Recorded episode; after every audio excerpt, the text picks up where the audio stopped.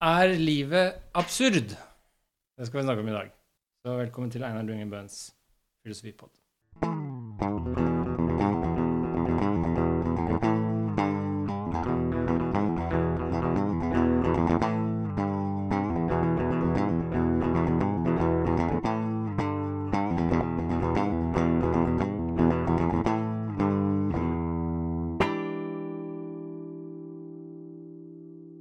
Dag har jeg med meg ingen ringere enn Lars Berrum. Ja, stemmer det. Velkommen.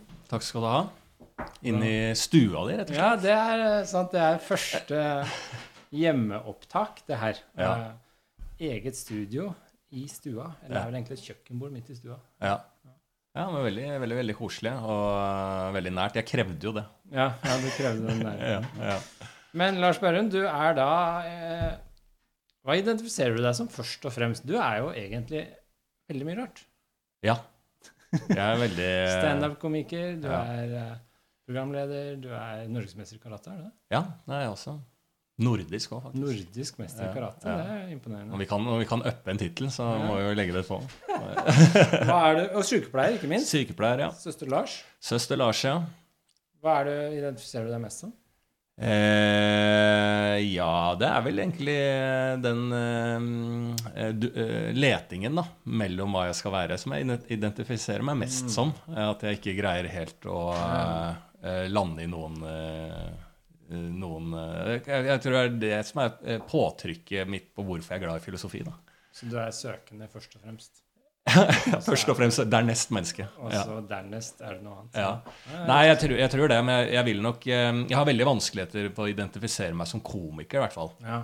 Det har jeg sto- alltid hatt store problemer eh, på. Og så er jo det litt sånn uh, setning mange sier bare for å spille opp en ydmykhet. Ja. Eller liksom, uh, men den, den sliter jeg litt med. For jeg føler at det er Da vil jeg kalle meg mer en eh, observatør. da, at, eh, eh, Og komikken min så går jeg mye innover. da, Så det er vel litt sånn eh, Altså komikken, Hvis jeg skal identifisere meg som komiker, så blir det at jeg eh, har nok kunnskap til at jeg kan stå på en scene og uttrykke det jeg Men du har jo standup-show. Ja. Er ikke det nok til å bli komiker? Jo, jeg, jo, jeg, jo, jo, jeg lever jo av bare altså, Ja. Sånn helt på papiret så gjør jeg jo det. Mm. For du har et show om Nietzsche. Ja. Det er litt derfor jeg inviterer deg, ikke sant? Ja. det var et show om Nietzsche. Jeg var jo så det, det var veldig morsomt. ja. Det var veldig hyggelig at du Altså, jeg ser på deg som en eh, slags Nietzsche-ekspert, da. I hvert fall i forhold, hvert fall i forhold til meg. Så det var eh, eh, Det var veldig, eh, veldig gøy at du tok turen innom. Ja, det var stas, det. Jeg tror jeg, det, det er, jeg har bare vært på to standup-show i hele mitt liv. Det var Thomas Giertsen som student, og ditt om Nietzsche. Ja, det er to poler, det. Med liksom 20 år imellom. Ja, Ja. det er det. Så det var artig. Men i dag så skal vi snakke om myten om Sisyfus. Albert Camus. Mm. Sier du Camus eller Camus? Camus, sier jeg. Camus, ja. Ja. Jeg ble litt sånn opplært på det her i USA, ja, og da var det Camus. Så jeg sier litt feil av og til. Ok. Men jeg har skjønt at det er Camus. Ja. Jeg driver venner meg til det. ja. Camus, det er jo det franske. Ja, jeg satt rundt et bord eh, da jeg For jeg har lest den her nå, tror jeg, tre ganger. Det er ikke verst. Nei. Eh, og eh, Nå nylig, liksom? Eller sånn? Nei, én for en stund eh, Altså lenge siden, og så en litt ny, eh, mer nylig. Ja. Sier sånn et, eh, et og et halvt år siden. Ja. Og så nå opp mot det her, da. Eh, og da lå den på Da hadde jeg sittet og tatt en øl, og så kom noen andre venner inn, så ble bare den liggende på et bord. Mm. Og da var det en person som kom bort, som ikke vi kjente, som var litt sånn Skulle dra noen fraser fra boka. Altså liksom vise at den personen kunne sin filosofi, da. Ja. Og da sa det, den personen sa Camus. Og det husker jeg ble eh, Altså Det var en liksom- norsk fyr? ja, Ja. ja, ja, som var liksom eh, eh, Sparka liksom sine egne bein. Eh, Albert Camus, den har jeg ikke hørt før. Nei. nei. men så da satt jeg igjen, og jeg kan ikke nok til å vite Det kan godt være at det er Camus, satt jeg igjen med etterpå da. Nei, Jeg tror den franske er Camus. Her. Ja. Men hva er de, så du har lest den flere ganger, da. det er bra hjemmelekse. Men hva er ditt um, forhold til Camus generelt? Ikke noe, ikke noe mer enn gjennom eh, YouTube-filmer og den type interesse rundt å ha lest Har du eh, lest de andre bøkene hans? Nei, jeg har lest Pesten. Ja. Ja. Eh, De har kommet på norsk, de fleste av dem nå. De kommer en etter en i sånn serie nå. ja. Pesten og fall og Ja. Den fremmede og ja. Pesten ble en bestselger nå da, under koronaen. ikke Om sant? den ble snakka med en bibliotekar om det der. At det var eh, Det ble, det ble en hit. Ja. Og den er jo ganske langtrekkelig, men det er en sånn roman hvor på slutten, når du er ferdig, så skjønner du at den var bra. Ja. Den er litt kjedelig underveis, men når du er ferdig, så tenker du shit, det var jo ikke så verst. Nei. Det er som den landsbyen, så kommer pesten, og så begynner de å kjempe mot pesten. Kjemper de for harde livet, og folk dør, og så bare forsvinner pesten. Ja. Hadde ikke noe å si om du kjempa eller ikke. så meningsløst hele Ja. prosjektet. Ja. Og så bare gikk han av seg sjøl igjen. Ja. Han bare kom og gikk. ja. Men jeg, altså, ja, så forholdet mitt til Kamus Camus, da Skal vi begynne å si det? Ja, jeg syns vi skal si det. Det er um, uh, Det er egentlig mest gjennom denne. Altså av de uh, Det kan jeg egentlig informere om med en gang. Altså, jeg er eh, interessert i filosofi. Ja, det har jeg Eh, skjønt. Eh, Sånn eh, hobbymessig liker å lese om det, er eh, veldig nysgjerrig på det. Syns det er meget underholdende. Med de fleste har ikke noe sånn på en måte retning av hvem jeg liker, og hvilken retning er ikke nitsjiansk eller det, men jeg syns det er ekstremt underholdende, og følelsen av da å ikke være unik fordi smarte mennesker setter ord på det jeg selv går og grubler på. Så det er liksom utgangspunktet mitt. Og utover det her, så nå, fra jeg sier dette, gidder jeg ikke å beklage når jeg driver og, og, og kaster ut tanker og ting og tang. Når det sitter smarte folk og hører på, så må de bare vite at jeg vet også at jeg ikke er noen ekspert. Uh, men jeg syns det er uh... Men jeg syns det er litt sånn man skal behandle det. Altså Det som jeg er litt lei, da, det som er hele min sånn greie med å lage podkaster og sånn, er å ta en bok, og gjerne da klassikere, kjente, store verker, og så bare lese den på, fra scratch, fra begynnelsen av. Ikke lese forordet som noen andre har skrevet, bare lese boka. mm, Og så bare ta det som sies bokstavelig. Ikke prøve å kontekstualisere det, ikke prøve å historisere det. Bare ta det bokstavelig, og så tenke Hva sier det her om meg og mitt liv nå? Hva sier det om samfunnet vårt nå? Hva får jeg ut av det her nå? mm, Og det kan du gjøre med hvem som helst. ja. Og det som skjer når du snakker med folk som kan for mye om en bok, så begynner de å liksom si ja, han var inspirert av den, og så blir det historiske tråder, så blir det kontekstualisering, og så forsvinner man litt vekk fra det som faktisk er kjernepåstanden. Ikke sant? At livet er absurd, eller et eller annet sånt. Altså, det er det jeg vil snakke om. ja. Jeg driter i hvem man var påvirka av. Mm. Jeg er helt enig. Og derfor det er kult å snakke med ikke-filosofer, snakke med alt mulig rart, kunstnere, komikere, ikke sant. Altså alt mulig rart av bakgrunn. Det var de to rare mulige bakgrunnene jeg kom på. alt mulig rart av bakgrunn om disse bøkene, fordi alle har liksom en rett til å lese dem og forstå dem på sin måte. Ja. Det er litt sånn. Jeg må bare bytte stol, jeg sitter på noen barnestol Ja, som ja, ja. knirker så fælt. ja, ja. Altså, lyden her kommer jo sikkert uh, til ja, Det er allerede folk som ikke har fått med seg starten, fordi de sitter og sender e-mail til deg og klager på lyden. Sånn. Ja, men Jeg er helt enig. Jeg, jeg også har en del venner som er eh, veldig gode i litteratur, om det er da ja, bibliotekarer, sånne ekskjærester som er bibliotekar og meget glad i å lese, og noe litt hvitt folk og sånne, sånne som kan ekstremt mye. Men de har alltid vært veldig rause på meg, eh, som også liker å lese, Ja. men som bare De, de syns, som du sier, da, at det er interessant å på en måte eh, bare ta det til eget bruk og tolkning. Eh, så Og selv de som må man ikke være helt Hitler i forhold til Nietzsche på akkurat Nei, egen nei, tolkning. Men nei, nei, nei, altså, jeg tror det er selv de bøkene som liksom jeg sånn jobbmessig kan godt og sånn. Jeg snakker med studenter som akkurat har begynt, som ikke kan det fra før. Når jeg snakker med andre folk, så er det litt sånn at du lærer ganske mye av perspektivene de gir på den boka. Selv om det liksom ikke var det du hadde tenkt, eller ikke var det du hadde visste fra før. Så lærer man veldig mye av helt andre perspektiver. Ja. Det betyr ikke at de perspektivene er så veldig gode. De er ofte ganske dårlige Mm. i forhold til hva boka sier. Men man lærer ganske mye av det. Ja. Eh, og det, den friheten vil jeg liksom at alle skal ha. Det. Alle skal kunne plukke opp Camus, liksom. Eller Mm. Ja. Plukke opp den og lese den og ta den fra scratch. eh, og bare Hva får jeg ut av det? ja. Og det er jo egentlig akkurat sånn jeg eh, har lest eh, filosofi eh, på egen hånd. Og om det er Kirkegård eller Nietzsche eller Camus eller hva, man har, hva, jeg har kommet, hva jeg har kommet over, så har jeg på en måte gjort det akkurat på den måten. Og litt sånn som vi sikkert skal inn i nå. Altså, jeg er veldig glad i å suge det til mitt eget liv og hva jeg kan få ut av det. Og så vet jeg, for såpass smart er jeg, selv om jeg ikke greier å utøve den smartheten, så vet jeg i sånn overblikk at her er det nok noe eh, smartere som blir sagt, Ja. men jeg får dette ut av det, på en måte. Jeg husker litt den følelsen også at man frykter at det er så mye man ikke vet. Så Ja. det kan være litt sånn overveldende å ikke orke å begynne. Ja, Eller sånn, å, det er så mye bak her som jeg ikke skjønner, så jeg kommer aldri til å skjønne. ja, nei, Det, det tror jeg er dumt. Det er ja, bare å kaste seg og begynne å lese en bok, og så bare Ja. får du én setning midt i boka på 900 sider liksom, som sier noe, så er det, Ja. er det, var det verdt det. Liksom. Ja. Ja, det, altså, ja, det har jeg gitt Det ga jeg opp tidlig i livet. Den største befrielsen jeg har gjort til meg selv, er å ak, eh, ikke være redd for å framstå dum. Ja. Ja, altså, Det er jo helt nydelig, og da, da tør man å gå i gang med mm, Det er frigjørende. ja, og eksempel Nietzsche, da, som jeg ble fortalt av Å, dette er så å, dette er tungt, dette skal du begynne med dette og lese dette under en eh, pandemi. Skal, altså dette, og så, altså Hvis man skal høre på alt av de tingene, så kommer man jo aldri i gang. Det, det er veldig, så begynner man å lese det, så syns jeg det er ekstremt underholdende og engasjerende. Ja, Leste du hele skiten? ja, leste alt, da.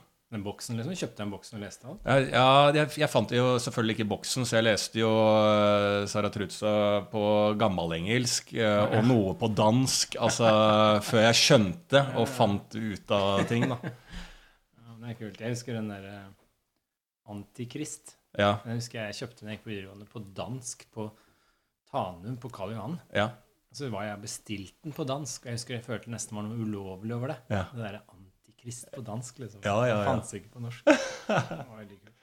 Men eh, det var ikke den vi skal snakke om. Vi skal Nei. snakke om Midtnoen Sisyfos. ja. Tilbake til Camus. Dette er jo da en veldig kjent bok. Dette er liksom hans store filosofiske verk. Han var jo egentlig romanforfatter, eh, men dette er liksom et slags essay. Mm. Og åpningsspørsmålet, eller bare sånn kjapt oppsummert hva boka handler om, da, så er det spørsmålet som jeg åpna med, om livet er absurd. ja. Eh, Det er det det egentlig handler om. Ja. Eh, Og mer spesifikt så handler det om Hvis du erkjenner at livet er absurd, hva da? Hva skal du gjøre med det? ja. Hva skal vi gjøre? Så hva er konsekvensen for livet vårt, egentlig? Hvis vi erkjenner at livet er absurd. ja.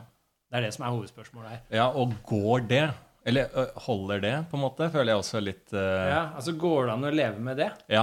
At han Jeg føler liksom Nå er det jo Føler jeg også at han veldig eh, i boka også Jeg føler at han prøver hele tida altså Litt sånn som hvis jeg skal gå inn i en tankelek og leke litt med tanker, så kan jeg ofte ende opp i heftige diskusjoner der jeg blir eh, pålagt at jeg har disse meningene, eller at jeg må stå for noe, Mm. istedenfor at det bare kan være en tankelek, et tankeeksperiment. da. Ja.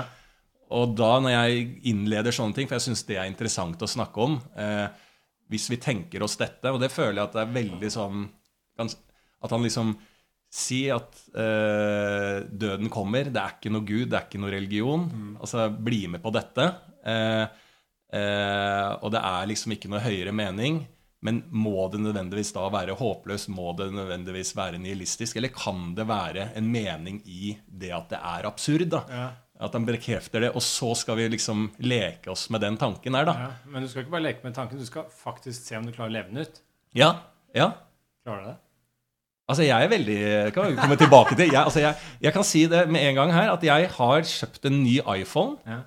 Eh, og jeg, jeg kan få litt sånn angst for eh, duppeditter og litt sånn materialistiske ting. Ikke fordi at jeg er noe eh, At jeg går hånd i hånd med Mimi Kristiansson på det politiske, på en måte. Men jeg bare sånn at jeg, å, jeg vil ikke kjøpe det. Nei, hvorfor skal jeg ha det? Men nå har jeg kjøpt en ny iPhone, klinka til med den beste, og det er av at jeg leste den boka her. Ja, hva var det i boka som gjorde at du gjorde det? Ehm, for jeg, jeg, jeg får en litt sånn eh, følelse for at det er her og nå. Litt, og jeg blir litt grådig av å lese den. Ja. Jeg er litt grådig på, eh, på livet her og nå. Det er interessant. Så jeg bare Ok, da kjøper jeg den nye iPhonen. Så jeg, jeg er veldig fornøyd med å leve det absurde. Ja, ja. Nei, fordi det er jo litt av det som eh, er greia hans, ikke sant? Altså, dette er jo ja, Vi kan komme tilbake til det, for det viktigste er åpningssetningen, egentlig. Åpningsspørsmålet i boka. Mm. Hvor han sier Dette er åpningssetningen, da. Hvor han sier Det finnes bare Og dette er kanskje den mest kjente setningen i boka. Det finnes bare ett virkelig alvorlig filosofisk problem, og det er selvmordet. En veldig kjent setning, da. Ja. Uh, og det han mener med det, sånn jeg tolker det i hvert fall, er jo Eller han sier videre, da Å avgjøre om livet er verdt eller ikke verdt å leve, det er svaret på filosofiens fundamentale spørsmål. Resten, om verden har tre dimensjoner, om forstanden av ni eller tolv kategorier, kommer i annen rekke. ja. Og det handler jo om at eh, hvorfor skal vi fortsette å leve? Mm. Det er det som er spørsmålet. Mm. Hva er poenget? Ja. Hva er meningen med livet, egentlig? Det er det som er spørsmålet her, sånn Ja. jeg tolker det. Mm, jeg er helt enig. Og hva er vitsen? Eh, Det er det eneste alvorlige spørsmålet. Ja. Alt annet er bare sånn staff... Det er bare sånn der eh, pynt. Ja, Som han kaller da sprang, da. Ja. Eller, eller det er jo da det, hvis du begynner å ta inn religion og den type ting, så altså Jeg, fø, ja, jeg føler liksom med det jeg, jeg føler liksom, Hvis du snakker liksom filmspråk med boka, da, Ja. at um, denne scenen skal filmes i total, så filmer man liksom Alt er med i bildet, på en måte. Og det føler jeg eh, jeg, får bare en sånn følelse at i denne, i denne boka så er Camus lei av det. Eh, Litt det store bildet som tar med religion, tar med alle sprangene, skal få svaret på alt. Og, og så prøver han å eh, finne meningen med livet i et nærbilde. Ja. Altså Han prøver å sentrere det inn. Hva hvis vi driter i alt rundt, men bare våre handlinger, altså litt enkelt forklart her og nå, holder det? Ja, jeg er enig, faktisk. Det Og da har vi et valg. ja. Hvis du mener at det ikke holder, så kan du jo ta livet ditt. Ja. Og hvis du ikke velger å gjøre det, så bør du få til her og nå til at det gir mening, da. Ja.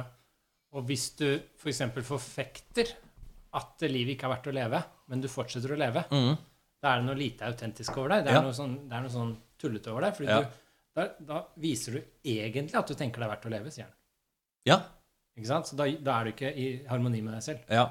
Og da hvis, ikke sant? Og hvis du velger å leve, så uh, er, sier han jo også litt Er det opp til deg å ta utnyttelse av det i de enkle, små uh, faktene i livet som på en måte er, nesten er konklusjonen i boka. Uh, men som jeg også da Som han sier vel et eller annet sted med at alle har lik mulighet for opplevelser i det livet man lever, men det er liksom bevisstheten om å ta tak i de opplevelsene eh, er opp til hver enkelt. Ja. Og da føler jeg at liksom i den sentreringen at eh, eh, Jeg syns noen steder at det blir litt nitsjiansk også. At, eh, jeg tror altså, det er veldig øh, Flere steder hvor det er veldig sånn nesten rett ut av Nietzsche. ja, det er det. Ja, ja ikke sant? Fordi at det, du kan ta Ja, det er, det er opp til deg, liksom. Ja, altså det at det, denne siden av verden er den viktigste. Ja.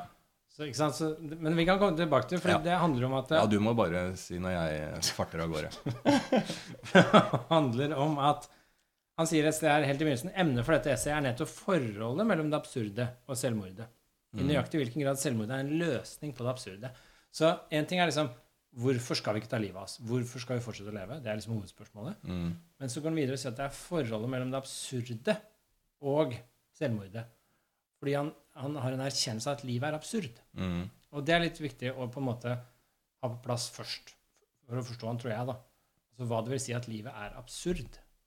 Så du som er komiker, da Eller Mm. du vil jo ikke si at du var det, men Jo, jeg- ja. Du som er Alt komiker, for kamera, som jeg å hva, er en god, hva er en god vits? Ikke sant? Jo, en god vits er en, har en punchline. Du, så hvis du ser for eksempel sånne gamle vitser som jeg liker, da, sånn Vesen Steen og uh, Brødrene Dal og Monty Python og sånn, så ser du liksom en god vits er jo den fortellingen hvor du begynner på noe, og så kommer det et brudd med forventningene som gjør at du begynner å le. Mm. Så for eksempel du ser en frisør som driver og klipper, og så plutselig innser du at han hater hår. Mm. Da ler du litt. Ja, Veldig enkelt forklart av en sånn standardisert vits, som jeg håper ikke komikere gjør i 2022. Men eh, du skisserer en, enten en seksuell tilnærming, lang historie med en person, eller du er på fest med en person, og så er det en krangel, og du tror det handler om noe, og så til slutt så sier du 'Men pappa, nå må du stoppe'. Ja. Ikke sant? Eller 'Men mamma, Ja. kan du ikke gi deg?' Ikke Ja. sant? Så kommer den twisten For der. da blir det en total brudd med forventningene, og så da- ler vi. Fordi det er ganske sånn uskyldig i den settingen. Det og det er noe absurd. Ikke sant? Så absurditet kommer jo av gamle latinske og greske uttrykk som, består, som betyr noe sånt som disharmoni. Mm. Altså Det er ikke harmoni mellom det du forventer og det som skjer. Da er det noe absurd over det. Det er en god vits, sånn som du forklarte nå. Ja. Det samme skjer jo i det tragiske. Mm. Så du sitter og kjører bil, og så plutselig smeller du front mot front-kollisjon, så dør det et lite barn i bilen. Mm. Så er jo det en totalt brudd med forventningene Ja. av hva som skulle skje. Hva som var ment å skje sånn vi tenkte oss. Mm. Men da gråter vi, for det er så alvorlig og trist og kjipt. ikke sant? Mm. Men det er samme egentlig punchline. Ja. Så Det tragiske og det komiske har samme struktur. Det er noe absurd i det. Mm. Men de har forskjellig effekt på oss, da. Mm. Og det kan vi sier, er jo at det livet, selve livet, er sånn. Mm. Det er som en punchline. Ja. Så på en måte så lever vi som om ting betyr noe. Vi roper ut i verden liksom at dette er bedre enn dette, eller Vi ønsker det sånn, og så svarer ikke verden. Nei. Det er brudd med forventningene. Ja. Så jo mer vi søker, jo mer innser vi at det, det er ikke noe som svarer oss. Den bryr seg ikke. Mm. Og det bruddet at Vi kommer aldri til å få et svar på det vi søker. Så du er en søkende mann, da, som Mm. du sa. Mm. Først er du en søkende mann. Du kommer aldri til å få noe svar på det. Og så fortsetter du allikevel å søke. Mm. Og når du i tillegg innser at er, du aldri kommer til å få noe svar, så fortsetter du allikevel. Mm. Da blir du en absurd karakter. Mm. Det blir som denne frisøren som fortsetter å klippe selv etter at den hater hår. Ja. Hvorfor gjør den det? Det er helt Ja. absurd. ja. Eller som en skalla mann som jeg er, fortsetter å gå til frisøren og be om permanent. Ja, hvorfor går du fortsatt til frisør? Ja. Gjør du det? Kanskje, nei, jeg gjør ikke det. Men kanskje det var for å kommunisere og snakke. ja, ja. Nei, jeg, eh, jo, jeg, jeg forstår det også sånn at det, um, Altså i, i mangel på gode ord, men at det er eh, Hverdagen også snakker litt, og det er ikke noe logisk Altså vi, vi, vi kan ikke skjematisere om det er metafysikk eller eh, religion eller Altså, Vi kan ikke forutse, vi kan ikke vite. Eh, Det er nok av eksempler, som du sier, da, med denne eh, familien som kjører bil, og så blir kvesta, eller toppidrettsutøveren som får eh, kreft, altså, Ja. som har levd så sunt. Altså, det er jo ikke noe um, Så i, det, eh, i kriger og alt så er det ikke noe um, eh, formel for at hvis du gjør dette, så lever du så lenge, eller Nei. du gjør det. Men som altså han også forholder seg til. altså Selvmordet, selvfølgelig, men så også den naturlige døden, som Mm. han også mener er den Altså Du har en endestasjon. Men tenker du sånn om livet? At det er sånn absurd? Jeg, vi, jeg, vi altså, roper ut, og så får vi ikke noe ekko, ikke noe svar. Det er som å stå og rope til en vegg. Det traff meg veldig, og jeg, er jo øh, Jeg syns jo filosofi treffer meg best når jeg får en, en øh, Om det er en lite et øyeblikk av ro eller forståelse. Ja. Og den, den, denne boka øh, har gitt meg det, altså. Ja. På den At jeg faktisk har blitt litt flinkere til å eh, ikke bare kjøpe en mobil, men litt flinkere til Bedre konsument. Ja. Ja, men bare denne, denne samtalen vi har her nå, eller tenke litt Altså det jeg sitter litt med eh, igjen med, som også blir beskrevet litt også i boka, den der at um, eh, At eh, jeg er jeg, jeg er jo en Du innleder jo Hva identifiserer du meg med? Ja. eh, Deg selv med? Og det er jo litt sånn interessant i den boka altså at ja, jeg, jeg er noe, og så prøver jeg å bli noe som jeg føler og finner en harmoni i, Ja. som jeg syns det er riktig for meg å presentere til deg. da. Ja. Som også, når jeg sier hvem jeg er til deg, og hva jeg driver med og gjort i livet, så er det, er det ikke noe uggen magefølelse på det, men det er noe som harmoniserer med meg òg. Ja. Det er jo den jeg vil framstå. Og Og du kan jeg stå for det, liksom. ja, og det Ja. ja, eh, stå for og liksom føles eh, ut som jeg har lykkes med noe som stemmer overens med meg. da. Ja. Det, den jeg har lyst til å være, som jeg også forteller at jeg er. Og så møter jeg deg og sitter her og snakker nå, så oppstår jo det en friksjon mellom oss. da. Og eh, som jeg tar litt med meg i ut, Som jeg sitter litt igjen, igjen med etter boka, så er det de øyeblikkene egentlig vi har her nå, Mm.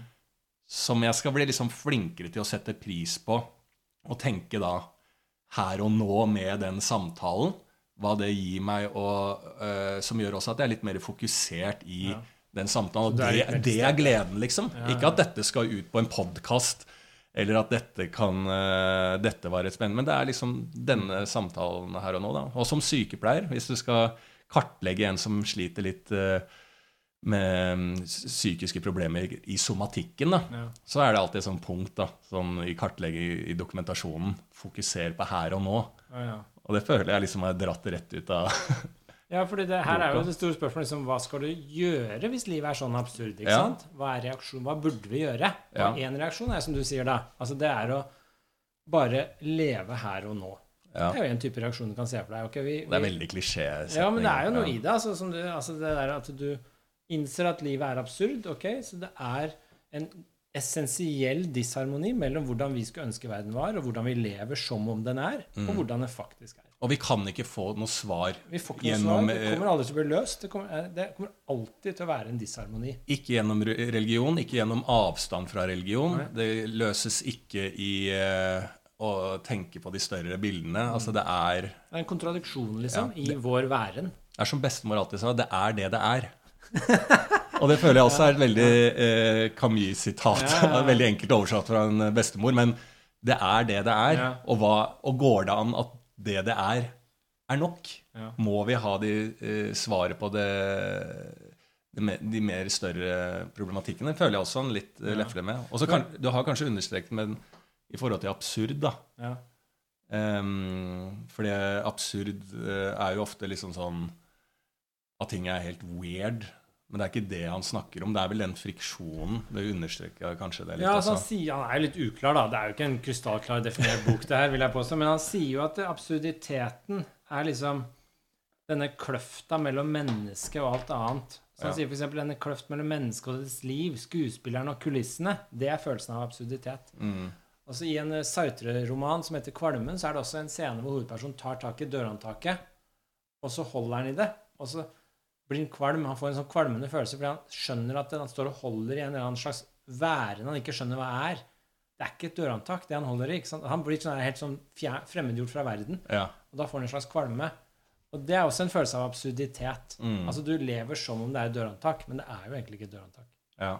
Det er bare noe vi tror. Ja. Eh, det, så verden svarer ikke med å gi deg dørhåndtak. Eh, og litt den følelsen med alt. Altså Du lever som om noe er mer verdt enn noe annet, og så er egentlig alt bare likegyldig Mm.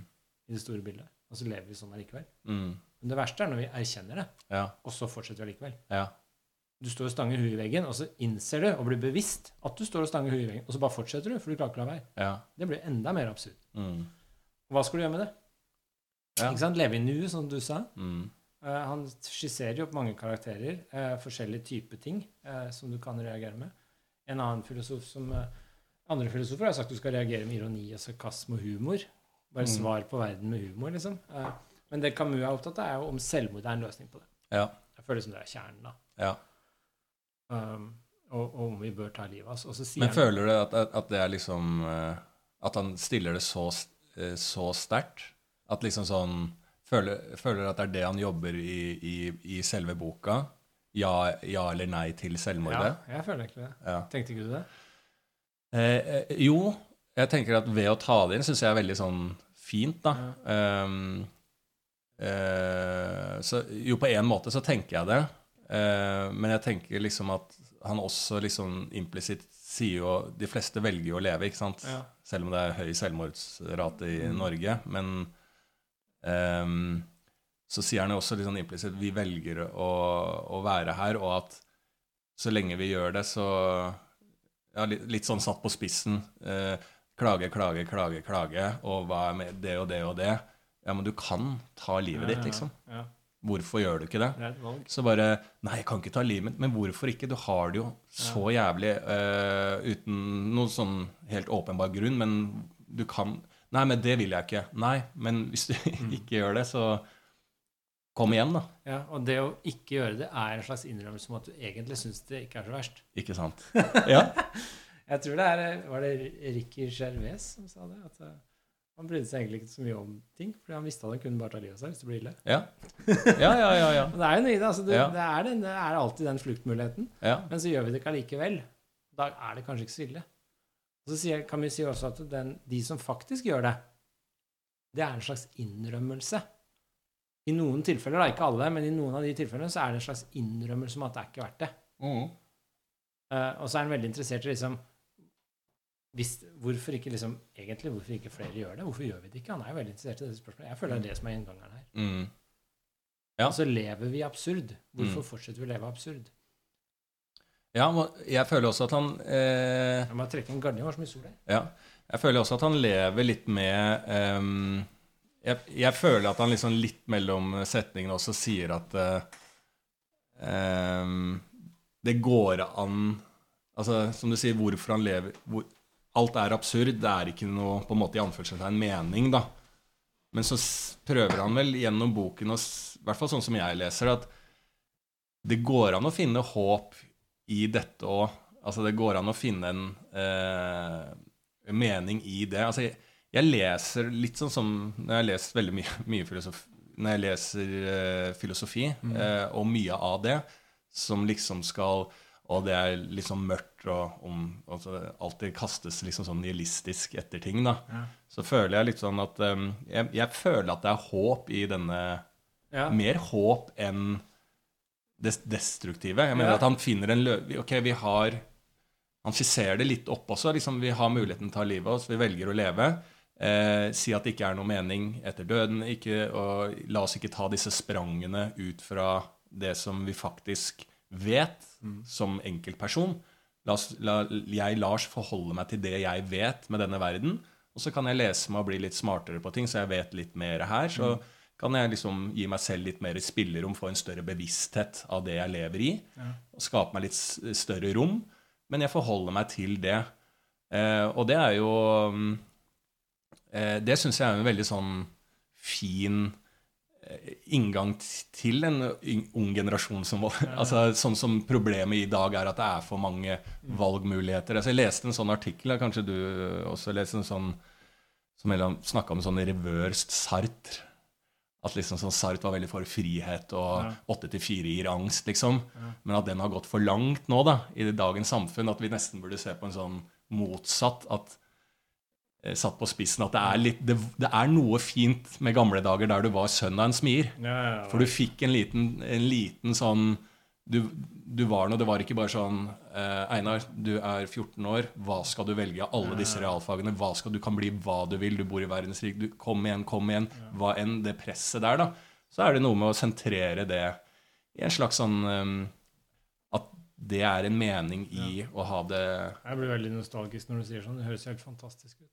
Jeg er sønnen hans smier. Jeg skal liksom, det skal jeg bli. Du har liksom staka det. Det er jo fordeler, fordeler og ulemper med alt, men Ja. det er jo ikke sant? Så det å ha på en måte faste roller som du blir tildelt, i stedet for at du hele tiden skal finne din egen, mm, det er jo ganske en egen form for frihet. Altså, det, det er egentlig det samme type frihet som du får ved grensesetting. Så hvis du er barn da, og du får en grense du må forholde deg til, du må være hjemme klokka ni f.eks., så er det ganske sånn befriende på mange måter, fordi du vet at du må være hjemme klokka ni, og da slipper du å forholde deg til noe annet. mm, Men hvis du ikke må være hjemme til noe tidspunkt, så er det helt åpent hva du skal gjøre. Og det kan være like lammende. mm, Ikke sant? Så, så det også for eksempel Det er derfor når du skal drive med idrett, da, så er det en idrettsgren, så er det visse regler. Det gir mening Ja. at det er regler i en idrett. mm, Fordi da kan du perfeksjonere deg innenfor de reglene, ja. uten å måtte drive og lage regler underveis. Mm, Og da får du en mye større frihet i bare å kunne slippe deg løs innenfor de reglene. Ikke still spørsmålet ditt. Gi deg hen. Perfeksjoner det. Det er klart, det er en egen form for frihet. ja. Enn hvis du bare kan gjøre hva som helst når som helst. Så blir du helt sånn her Ok, nå har jeg en større form for frihet i antall valg, men hva skal jeg gjøre nå, liksom? Ja. Det blir litt lammende. Og når jeg leser om det at eh, det blir mer og mer psykiske plager og den type ting i dagens samfunn pga. disse frihetene og presset, og sånn, eh, så er det jo litt sånn eh, Dette har jo Amish-folket funnet ut av for lenge siden. Ja. Altså, de har jo bare De har jo Altså, du får et år, romspringer. Ja. Har du lever- sett den dokumentaren? Nei, det, ja, den har jeg sett, ja. ja, Hvor de har det ene året hvor Ja, går helt bananas når det er 16? Selvfølgelig, altså, selvfølgelig vil du tilbake. De er jo geniale. Jeg tror det var noen 90% etter han som kom inn igjen tilbake i Ja, ja. i Amish-kulturen. Selvfølgelig, du lever i strenge regler og på en bondegård med eh, folk og fe, og så skal du ut i storby. Altså, tenk hvor overveldende det er. Det er jo det mest geniale de gjør, og så nesten viser det til at du får Her er vi frie. Men det er jo kjempesmart.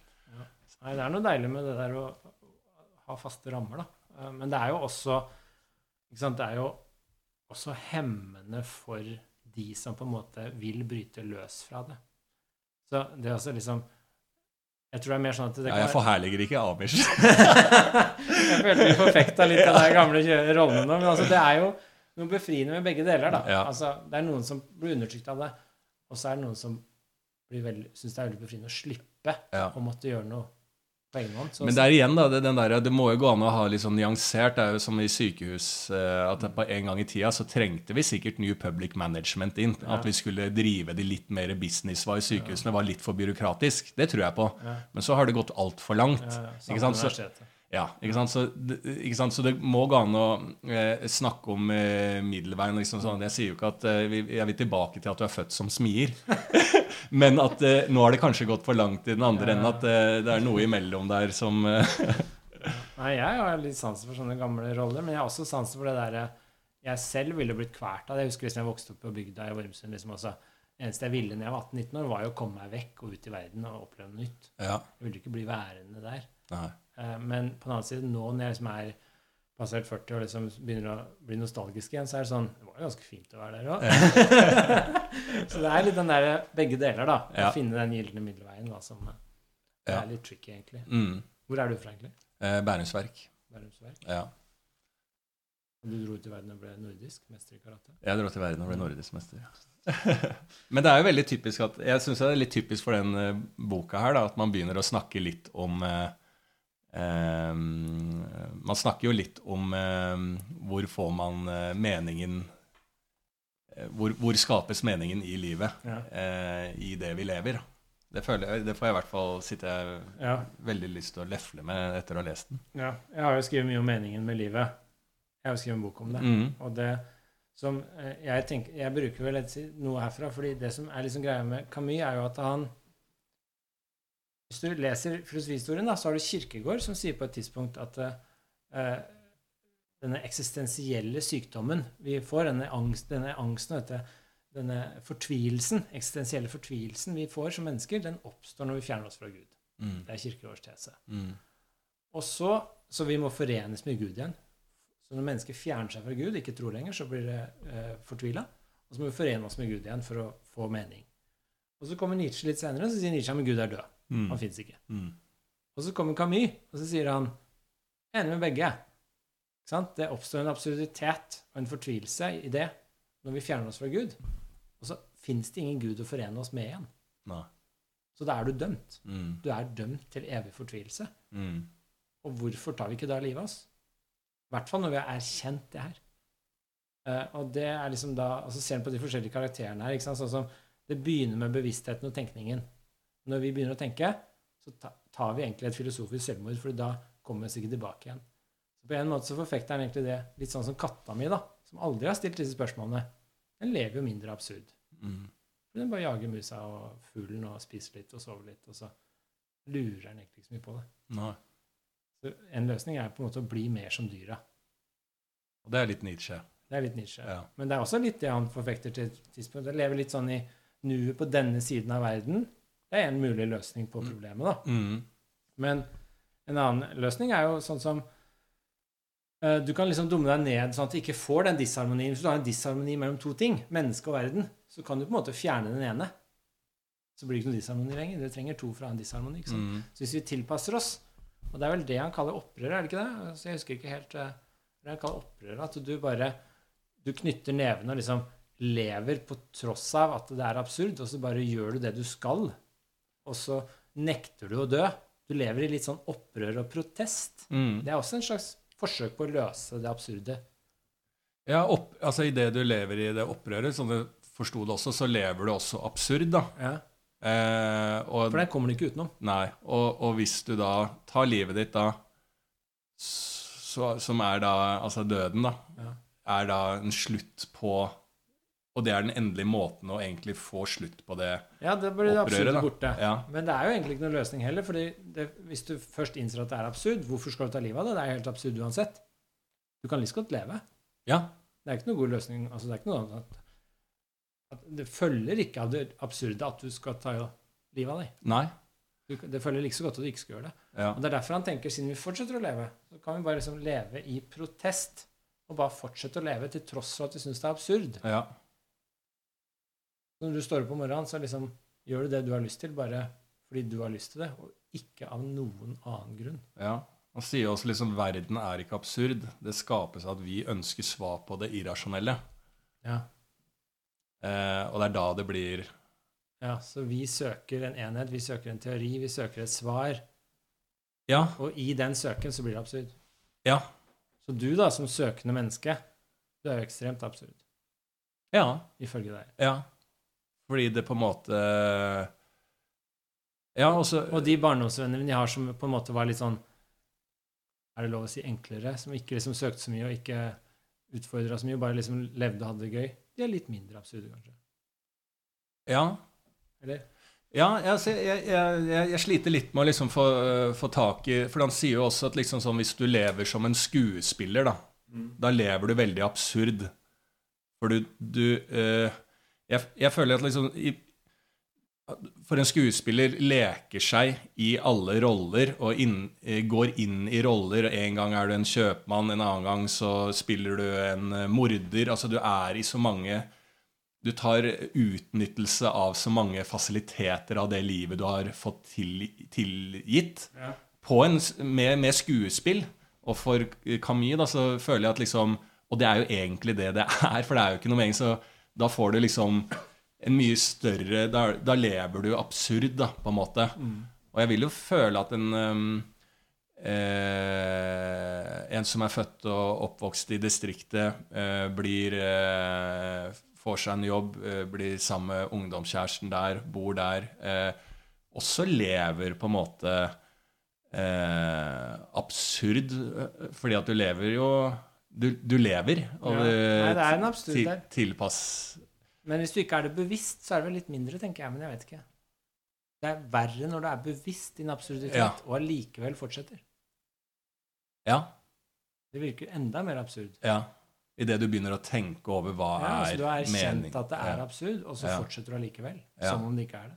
Men er ikke det at han sier det idet du erkjenner at det, dette er det? Altså, du går på jobb, du går hjem, du skal dø. Og, øh, og idet du er fornøyd si, Ta en, øh, en, øh, et høne, Hønefoss-eksempel. Eh, Tilfeldig valgt. Eh, ja, en jeg kjenner som er fra Hønefoss, er sammen med mm, eh, familie der, eh, jobber som elektriker, liksom. Ja. Eh, og stortrives, ikke religiøs. Eh, eh, liksom sånn Vi skal dø, og da blir vi jord, er liksom tanken. Det er ikke noe mer. Eh, jeg eh, trives i det livet. Eh, ønsker ikke å Har aldri hatt et behov for å flytte til Oslo. Trenger ikke å se verden på noe som helst måte. Er dritfornøyd og er ikke noen motstander av å dra på ferie eller noe sånt. Men i det livet der så er jo det ekstremt um, absurd da, da. Eh, så lenge han ikke tar disse sprangene og mener at ja, men jeg lever sånn nå, og så kommer det et liv etter døden. Han forholder seg til det eh, i anførselstegn ene vi har fått. Ja. Og da føler jeg at eh, Og er lykkelig da, så føler jeg at liksom Hvis man skal lete etter en nøkkel i liksom livets eh, vei, sånn som jeg sitter igjen med etter å ha lest den boka, så er det jo nesten det som på en måte applauderes litt, da. Ja. Som er jo på en måte myten om Sisyfos, da. Ja, det høres jo også ut som et ganske ålreit liv. Kjempe. Og det er jo det Nesten litt misunnelig. Ja. Ja, men det er jo det, man, det er jo det Jeg sitter litt igjen med Mm. boka som tar det litt ned fra alt det kjas og maset. At, som vi kan jo liksom si det også, altså myten Sisyfos er jo noe som på en måte eh, foregriper begivenheten, eller kan vi si eh, Ja. Vi kan vel snakke om det nå, ikke sant? Myten. Liksom, Ja, altså selve konklusjonen på ja, ja, for all del. Altså, han nevner det ikke helt på slutten. Jeg syns det er litt rart med tittelen. egentlig. Ja. Tenkte du over det? Altså, Tittelen på boka er 'Myten om Sisyfos', men det nevnes jo ikke før siste side. Nei, men jeg føler at det er konklusjonen. Ja, på alt uh, på en måte Altså, du eh, lefler med uh, kan for, altså for min del, hva er meningen? Og så Ja, du kan jo Nei, altså hva myten er, da. Altså, Mm. For de som ikke kjenner til det. altså Myten om Sisyfos er jo da gresk mytologi hvor Sisyfos Han ville ikke dø. Han lurte gudene til å forbli på jorda. Mm. Det var ganske sånn morsomme triks han gjorde. Han var ganske sleip. Han, var sånn der, han ble, kom og henta han til dødsriket, for det var hans tur til å dø. og så var det sånn så ble han henta ned, og så var det sånn Jeg må bare tilbake og fortelle kona mi noe, for hun gjorde noe feil med begravelsen. Nå kan jeg bare slippe litt til igjen. Og så ja, ok, greit, da, men så kommer du tilbake, og så kom de ikke tilbake til de døde. Nei. Lurte dem unna, så kom de for å hente han, og så bandt han en av gudene til jorda. Ja. Han bare elska livet, ikke sant? Han Ja. ville ikke dø. Og da klikka det for gudene til slutt, og så tok de og dømte han til denne evige straffen, hvor han må rulle en stein opp en bakke, bare for å se den rulle ned igjen. Mm. I all evighet. og så må han gå ned, hente steinen, rulle den opp Ja. igjen og ned igjen, og sånn går livet hans for evighet. Så konkluderer jo da eh, Camille med at eh, i anførselstegn Jeg kan ikke skjønne annet enn at han var lykkelig. altså, ja, altså den siste setningen der, ikke sant, er siste delen han sier da, når den kommer til myten om Sisyfus, så sier Ja. han og da han, liksom, han ser for seg Sisyfus som ruller opp, han ser for seg steinen ruller ned igjen, han må gjenta det her, gjenta det, og tenk deg, det har jeg tenkt mye på, tenk deg Sisyfus idet han begynner første gang å rulle den opp. Tenker han ok, jeg får rulle den opp, så ruller han ned. Andre gang, tredje gang. Så etter hvert så begynner han liksom å tenke Shit, det her skal gå for alltid. Mm. Altså ikke bare, Det er ikke noe endepunkt. Det er det verste, egentlig. Mm. Det er den eksistensielle torturen når du begynner å bli lei av å rulle, Mm. og så innser du at dette skal aldri tar slutt. Mm. Hvis du hadde visst om 1000 år så tar det slutt, så hadde det vært mye bedre. Mm.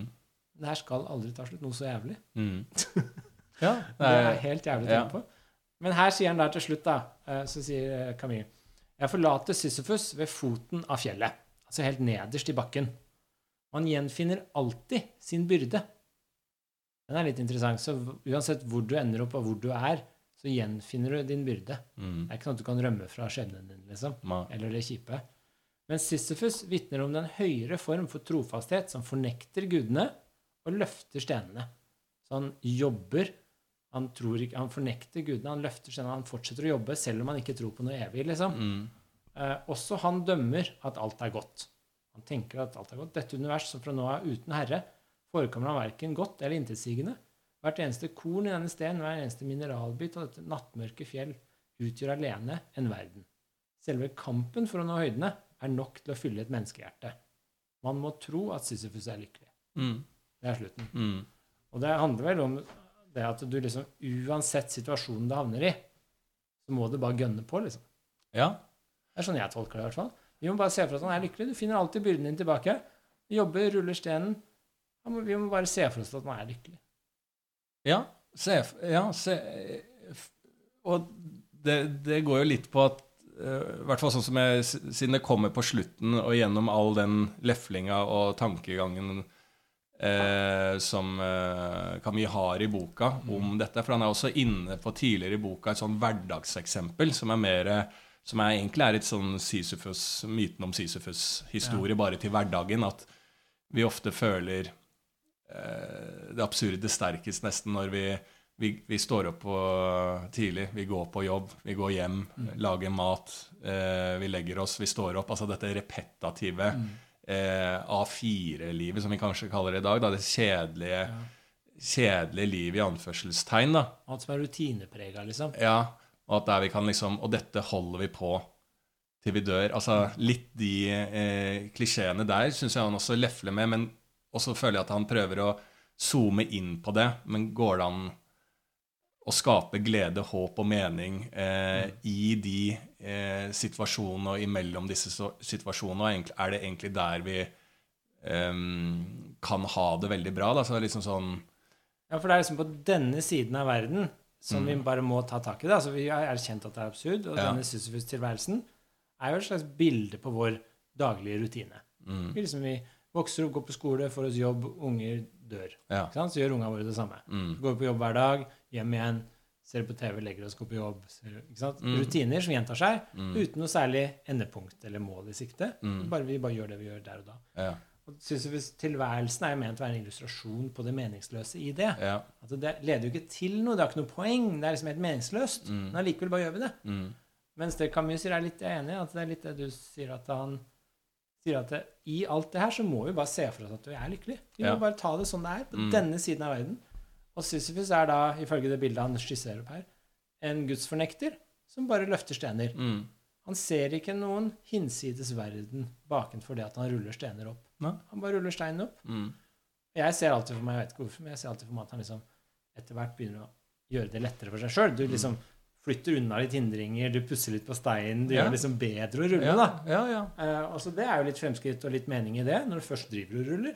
Og du lever i det. Det eneste jeg liksom har litt problemer med å uh, skjønne ut ifra sånn som jeg forstår uh, Camus-boka, da, så her ligger det jo mange mulige fallgraver til at uh, jeg tolker feil et eller annet sted. Ingen, ingen fallgraver. Men uh, fordi at eh, dette kommer jo som en slags konklusjon, føler jeg, på det han litt er ute og snakker om. Vi kan jo snakke litt om det etterpå. liksom, der han, den Myten om Sisyfos er jo kjent for noe som blir brukt til sånn eh, Og så jævlig kan det gå med deg hvis du ikke oppfører deg. ikke sant? Men så ser han Ja, er det så jævlig? Vi kan jo ikke anta annet enn at denne personen kan helt fint være lykkelig med det. Ikke sant? Og liksom den hverdagen. ehm, det må gå an å finne en glede og en mening i dette eh, absurde til, tilværelsen hvis vi godtar at det er absurd. Ja. Ikke sant? Da hvis vi godtar det og ser på friksjonene som skjer, og alt det Men det jeg sliter litt med, som da det konkluderende eksempelet hans, er jo at da forsvinner jo litt av tesen til Camus, som jeg mener er liksom vesentlig for å leve sånn som han ønsker at vi skal leve for å oppnå dette. da. Ja. Og det er jo at eh, Sisyfus kan jo ikke ta livet sitt. Nei. Eh, og han, må, han vet at han skal leve for evig. Eh, for det, det føler jeg er liksom gjenganger i hvordan jeg liksom tar med meg det til mitt liv, er at jeg vet vi skal dø. En eller annen gang en naturlig døds, dødsårsak. altså Det kan være unaturlig, men at ja. det stopper et eller annet sted. Eh, og så kan jeg eh, før det velge å ta livet mitt.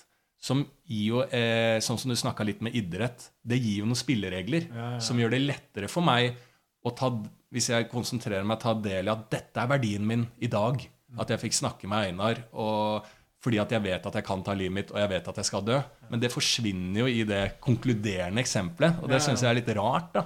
Ja, det er et godt poeng. altså Myten om Sisyfus har jo sine begrensninger som sånn analogi, liksom. Altså, han, han Det var det vi var inne på at er det verste, er jo at han aldri har noe sluttpunkt. Ja. Det er noe av det verste opplevelsen med den tilværelsen. Ja. Så det er som om vi skulle hatt et Vi skulle levd sånn som vi lever nå, men det har et evig liv uten noe sluttpunkt. Ja. Det er litt mer bedre analogi, ikke sant? Så vi går på jobb hver dag, går hjem igjen, og så tar det aldri slutt. Mm. Du skal aldri pensjoneres fra den jobben du er i. Du skal aldri gjøre noe annet enn det du gjør akkurat nå. Mm. Da begynner det å nærme seg kanskje nærmere en Ja. Sisyfus-tilværelse. ikke sant? ja. Og det er ganske interessant i forhold til f.eks. da både Kirkegård og Nietzsche er jo opptatt av dette med gjentagelsen. Og de to filosofene er veldig Camus er jo veldig opptatt av de. ikke sant? Han har Mm. lest begge de. Mm.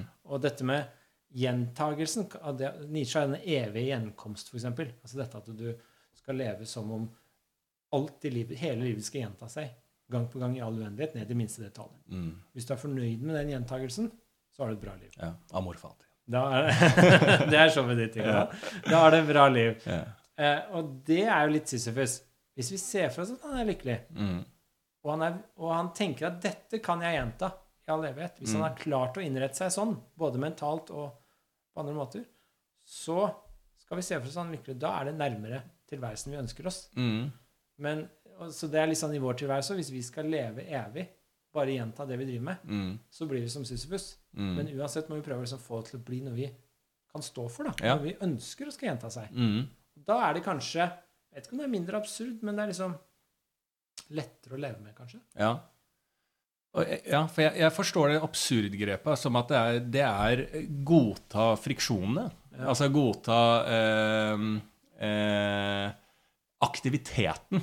Jeg går på butikken. Det er noe.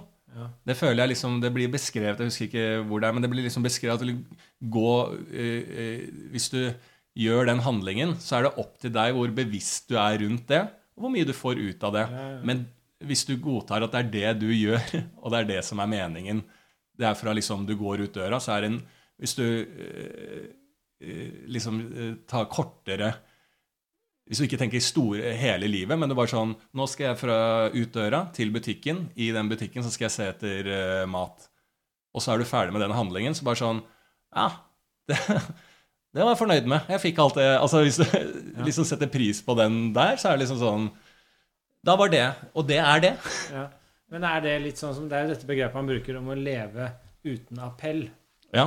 som er veldig sentralt her. Altså det er det han sier f.eks. troen eh, Å vite om man kan leve uten appellmulighet, det er alt som interesserer meg. Ja. Ikke sant? Og det altså Du går på butikken, du går på jobb, du lever der utenom å på en måte Dette er ikke noe du vil gi opp eller klage på, dette er bare noe du, du aksepterer, da. ja. Og at det er eh, verdt nok eh, for å leve. At den opplevelsen ga Hvis du ser på den opplevelsen av å gå i butikken, isolerer den, og bare Hadde jeg det helt jævlig når jeg går til butikken nå og kjøpte mat? Eller er det litt sånn ålreit, for der fant du en ny eh, Toro-gryte liksom, som blir spennende å prøve? Da, da holder det. Altså Det er jo det han prøver å finne ut. Og, og liksom legge litt åpent. Holder det Er ikke det nok mening? Må vi ha svaret på det? Eh, problem er at det er På en måte så høres det veldig fint ut å akseptere alt som det er. Eh, bare liksom Det er nok. ja. Men på en annen måte så veit jeg jo med meg sjøl at det er jo ikke nok for meg. Nei, men er det ikke derfor han eh, skriver den boka og hele tida eh, gir sånn påtrykk på at dette er et liksom sånn enkelt sagt da, et, et, et, et tankeeksperiment som vi må prøve å være med på, føler jeg. da. Han, han vil ha meg inn til å tenke er det nok? Og så sånn som du sier, det er jo ikke nok. Nei. Men hva hvis? Eh, liksom sånn, For han vil jo hele tida at vi på, ikke ta spranget. Og det vil jo si at vi hele tiden vil liksom ut og tenke Jeg skal jo en gang i framtida få barn, familie, det vi Altså eh, Det er et lite sprang, men liksom inn liksom sånn Nei, jeg er ikke-religiøs. derfor gjør altså det, Vi flytter ting hele tida utover og utover og utover. Som mennesker så føler jeg at han Hva hvis vi sentrerer det helt ned? Er det nok? Og at vi kan leke med den tanken? Da føler jeg liksom Tror du han eh, Hva var det han var? Han i Skien, var det? Nei, i Hønefoss? Hønefoss? Ja. han var? Han var håndverker. Ja. Tror du han hadde vært fornøyd? Tror du han har vært et eksempel på det, da? Som du nevner? Ja. Altså, han, bare, han lever livet sitt og syns det er nok, liksom. ja. Eh, er ikke ute etter mer. Nei. Får sånn sett Ikke appell, altså, jeg er ikke ute etter den appellen på Hva betyr egentlig å leve uten appell? Det burde jeg google. Ja, nei, Altså- så jeg kan jo bare mine Skal jeg google det med en gang? Bare si et eller annet morsomt. skal jeg Jeg skal jeg, tar et par, tar et par vitser, ja. Appell. eh, Fordi jeg tenkte jo på det som uh, Appell Nei, for jeg tenkte jo på det som at du du, skal, du appellerer ikke til noe, er jo på den ene Mm. måten å tenke på det. Mm. Uh, å leve uten appell. Uh, at det er ingenting annet du appellerer til. Men det er heller ingenting på en måte du beklager eller ønsker noe annet.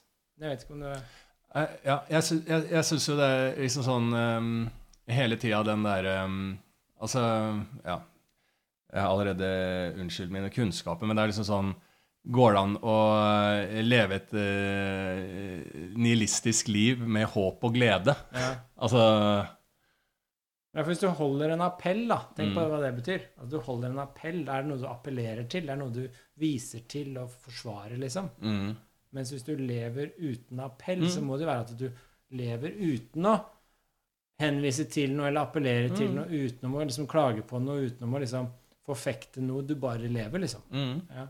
Og det har ikke noe mening videre. er jo litt det han eh, tar jo også liksom Erobreren er jo også et sånn eget kapittel der, eller noe sånt. At Ja. Du går i krig og tror du gjør en forandring, men eh, Ja. det er ingenting forandring som skjer. Altså Vi tror hele tida vi skal gjøre en forskjell som vil gi ettervirkninger. Men å liksom frata det også, da. Som er på en måte et lite sprang i noe som man ikke kan få svaret på, da. Det, jeg vet ikke, Nå blir jeg veldig skeptisk.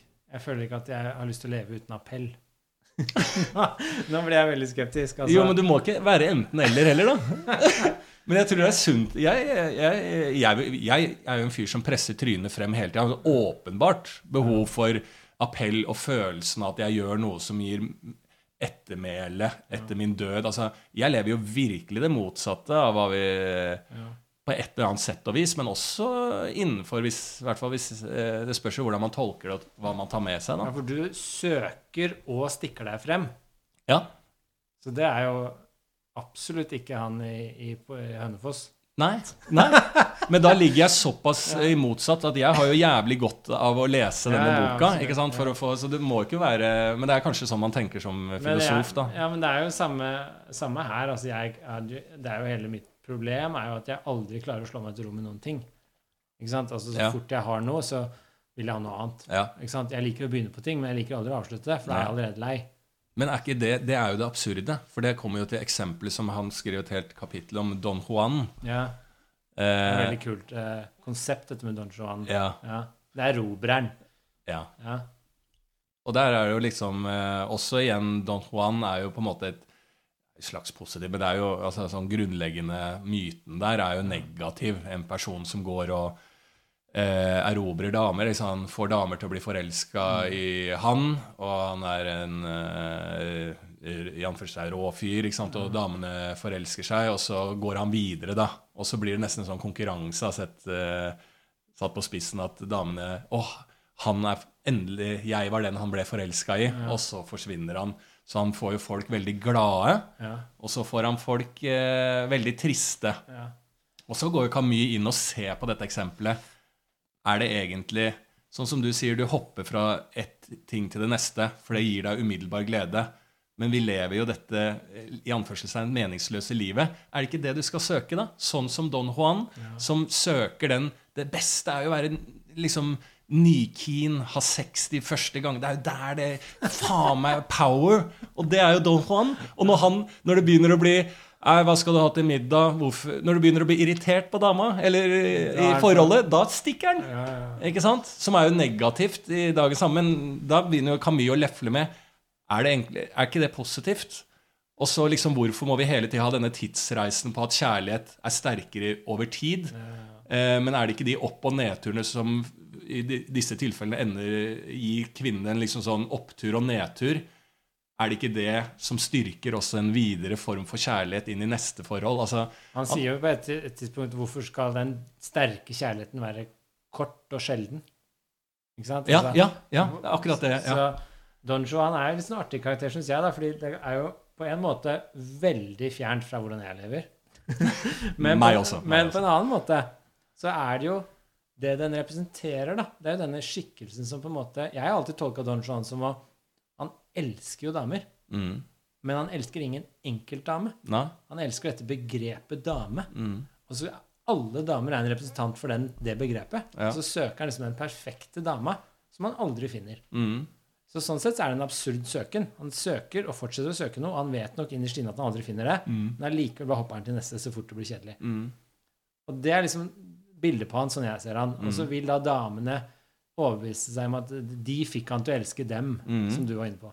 Men det er jo et bilde også på liksom sånn som vi da søkende, ikke sant? Hva er det vi søker? Vi går, jo, du lager et nytt standup-show gang på gang. Mm. Hvorfor var du ikke fornøyd med det ene du hadde? Ja. Hvorfor skal du ha et til? Mm. Ja. Ikke sant? Altså, hvorfor skal jeg skrive en bok til? Mm. Det er jo egentlig helt absurd. Jeg vet jo at jeg aldri kommer til å skrive den boka jeg er kjempefornøyd med. For det er alltid noe jeg ville gjort Mm. annerledes rett etterpå. Men hvis du godtar da at, du, at vi lever eh, At det er absurd Ikke sant? Er det ikke det han er litt inne på? Hvis du godtar det, da. Det er absurd. Så hvorfor i helvete skal jeg ikke lage da et nytt standup-show? For det gir jo meg en glede. Ja, da lever du litt sånn i protest. Ja. Ja, Så du bare gjør det allikevel. ja, men det bør ikke være på en sånn negativ måte du gjør det allikevel. Det kan jo være sånn Så jeg vil ha den gleden med å skape noe som gir meg mye. Det er det jeg digger. Kanskje ikke så mye å spille det, Ja. men det å sitte aleine, skape noe, det digger jeg. Så for faen skal jeg gjøre det gang etter gang etter gang? Og det kan jo ikke være sånn er ikke, Jeg tror alle mennesker har en sånn iboende Hvor gøy hadde det ikke vært å bli sammen Bestemme seg tidlig i livet.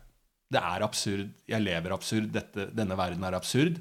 Så møter jeg en eh, i mitt tilfelle som er heterofil, han møter en jente som jeg digger. Um, vi blir sammen, uh, og så tenker jeg liksom sånn ah, Nå begynner liksom hverdag. Dette var litt kjedelig. Og altså, det er jo litt der det blir litt sånn nietzscheansk også når jeg leser. Altså liksom sånn Nå gir ikke dette meg noe. Helt kompromissløst. Da går jeg videre. Opplever det kanskje med en ny. Får barn. Å, nå er jeg lei av de barna. Jeg, går, jeg flytter til Argentina, starter et ny liv der, og det gir meg de gledene. Altså, hvis du liksom Da er du inne på dette Don Juan. Altså eh, sånn, jeg ser det, altså, det er helt kompromissløst egoistisk. Ja, hvorfor skal vi ikke gjøre det? Ja, hvorfor skal vi ikke gjøre det? Nei. Men det er jo fordi at, i hvert fall sånn som meg, da kommer disse sprangene, liksom, og jeg greier ikke å være så ærlig og redelig som Nietzsche ønsker. Ja, ja. Men det er jo også noe med den kvaliteten ved å holde ut et prosjekt, da. Mm. Altså, det er veldig lett å bare rømme når det blir kjedelig. Ikke begynner på en bok, og så blir det litt tungt. Ok, bare droppe det.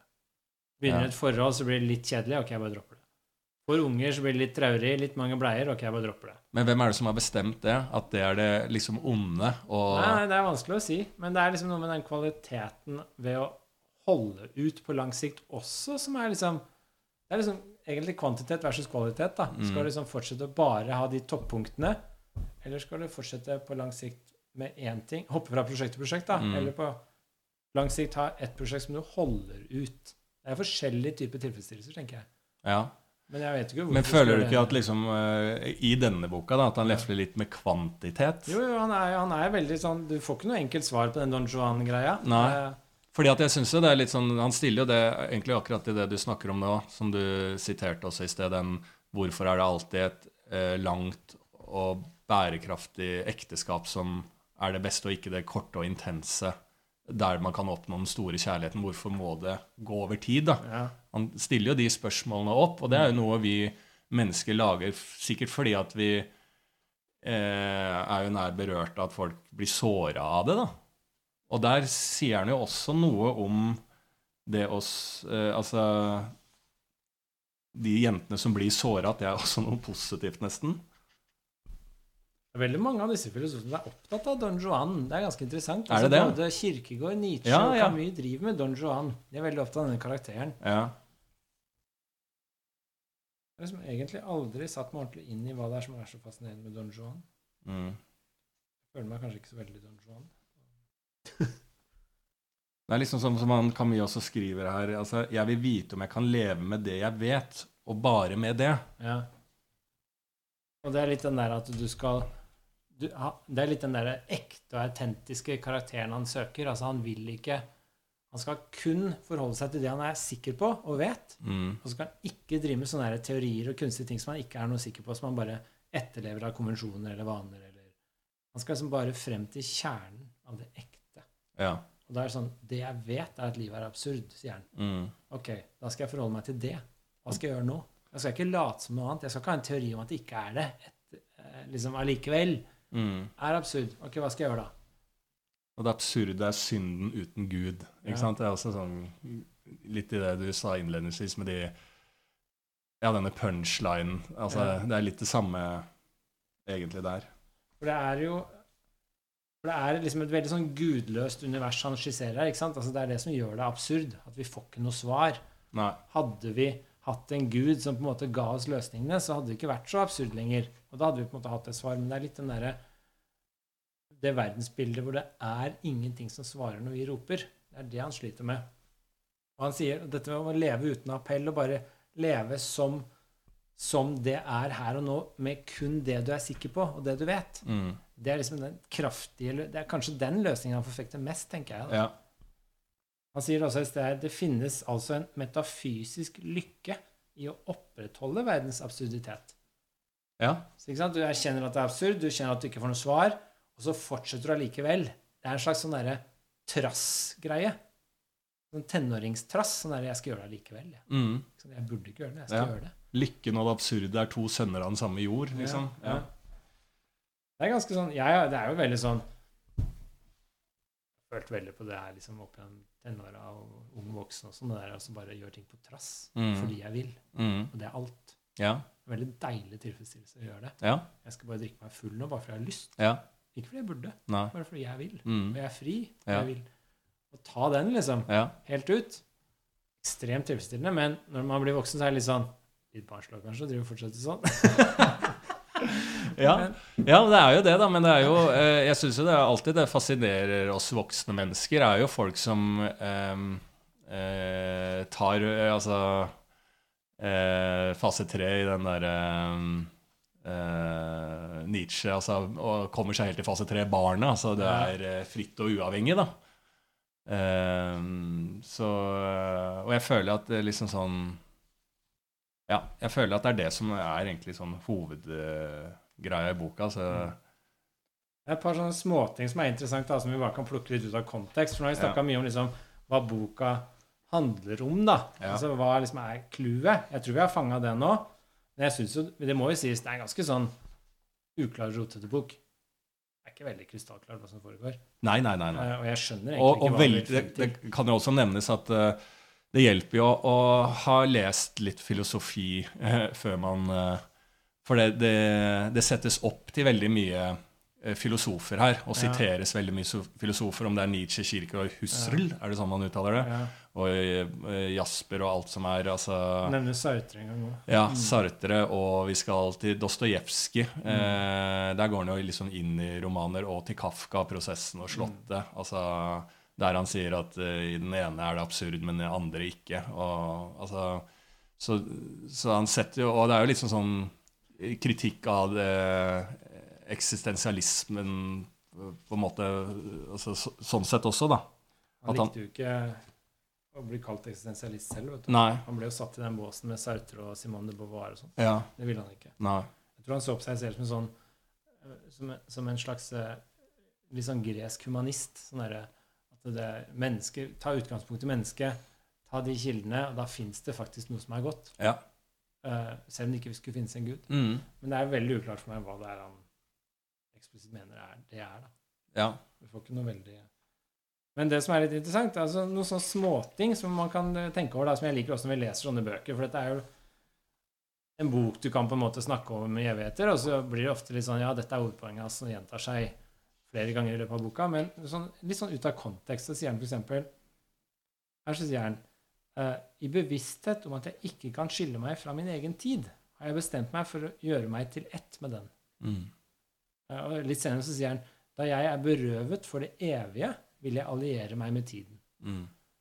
Og, uh, og det, så når jeg tenker på det, da, så er det litt sånn Man står mellom to valg. ikke sant? Du kan heve deg over din samtid, og så prøve på noe evig. Mm. Det er det du gjør med religiøs tenkning, det er det du gjør med tro. Det er det du gjør med en del kunstverk. Du prøver å skape noe evig som er uavhengig av din samtid. Det er jeg veldig sansen for. Det syns jeg er veldig kult. liksom. Mm. Men så er det de andre som på en måte ikke er opptatt av det. Og de tenker sånn Nei, jeg skal bare gå inn i og gi meg hen til min samtid. Mm. Så i kunsten er det ofte to spørsmål. ikke sant? Det er sånn, Skal vi skape noe Skal kunstverket heve seg over sin samtid og satse på noe evig, eller skal det reflektere sin samtid?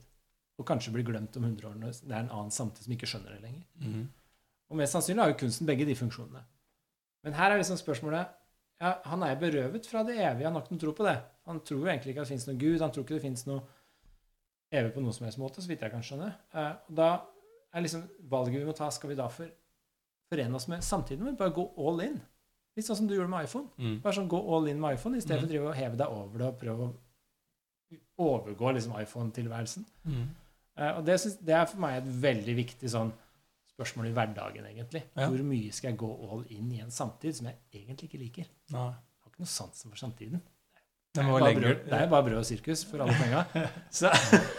Jo, men det spørs jo liksom i en, i en samtid, sånn som vi lever nå, så er det jo eh, Du har eh, Paradise Hotel, som er en del av samtiden. ja. Men så har du også eh, eh, kunst, kultur og andre på en måte særere ting som eh, gir mer, og i din samtid med dagens filosofi og, og, og hvordan du lever din samtid, som også er samtid. Mm. Så jeg eh, vil jo si at det ene igjen da, eh, kast- eh, sparker ikke beina under det andre. Og det, på det punktet du leste opp nå, så har han også et sånn interessant bevis på det. da, At eh, vi alle eh, på en måte forholder oss litt til tiden ved at man sier eh, man er, eh, Jeg er bare eh, 30, år, eh, 30 år ung. jeg. Idet du sier du er 30 år ung, så forholder du deg til at du skal dø. At det er noe som er gammelt. altså Du legger de eksemplene der. Og så syns jeg også sånn Nå driver jeg med humor, da, men sånn Altså alle, alle kunstverk som du sier hever seg over tid. Det, det er også liksom alltid hatt liksom problem med å forstå hva menes med, fordi alle kunstverk på en måte er jo lagd i sin samtid. Ja. Eh, og så holder det kunstverket og interessen for den samtiden eh, videre i flere år. Men vi ser jo Ja. Når vi ser Mona Lisa, så er det jo tilbake til en annen samtid.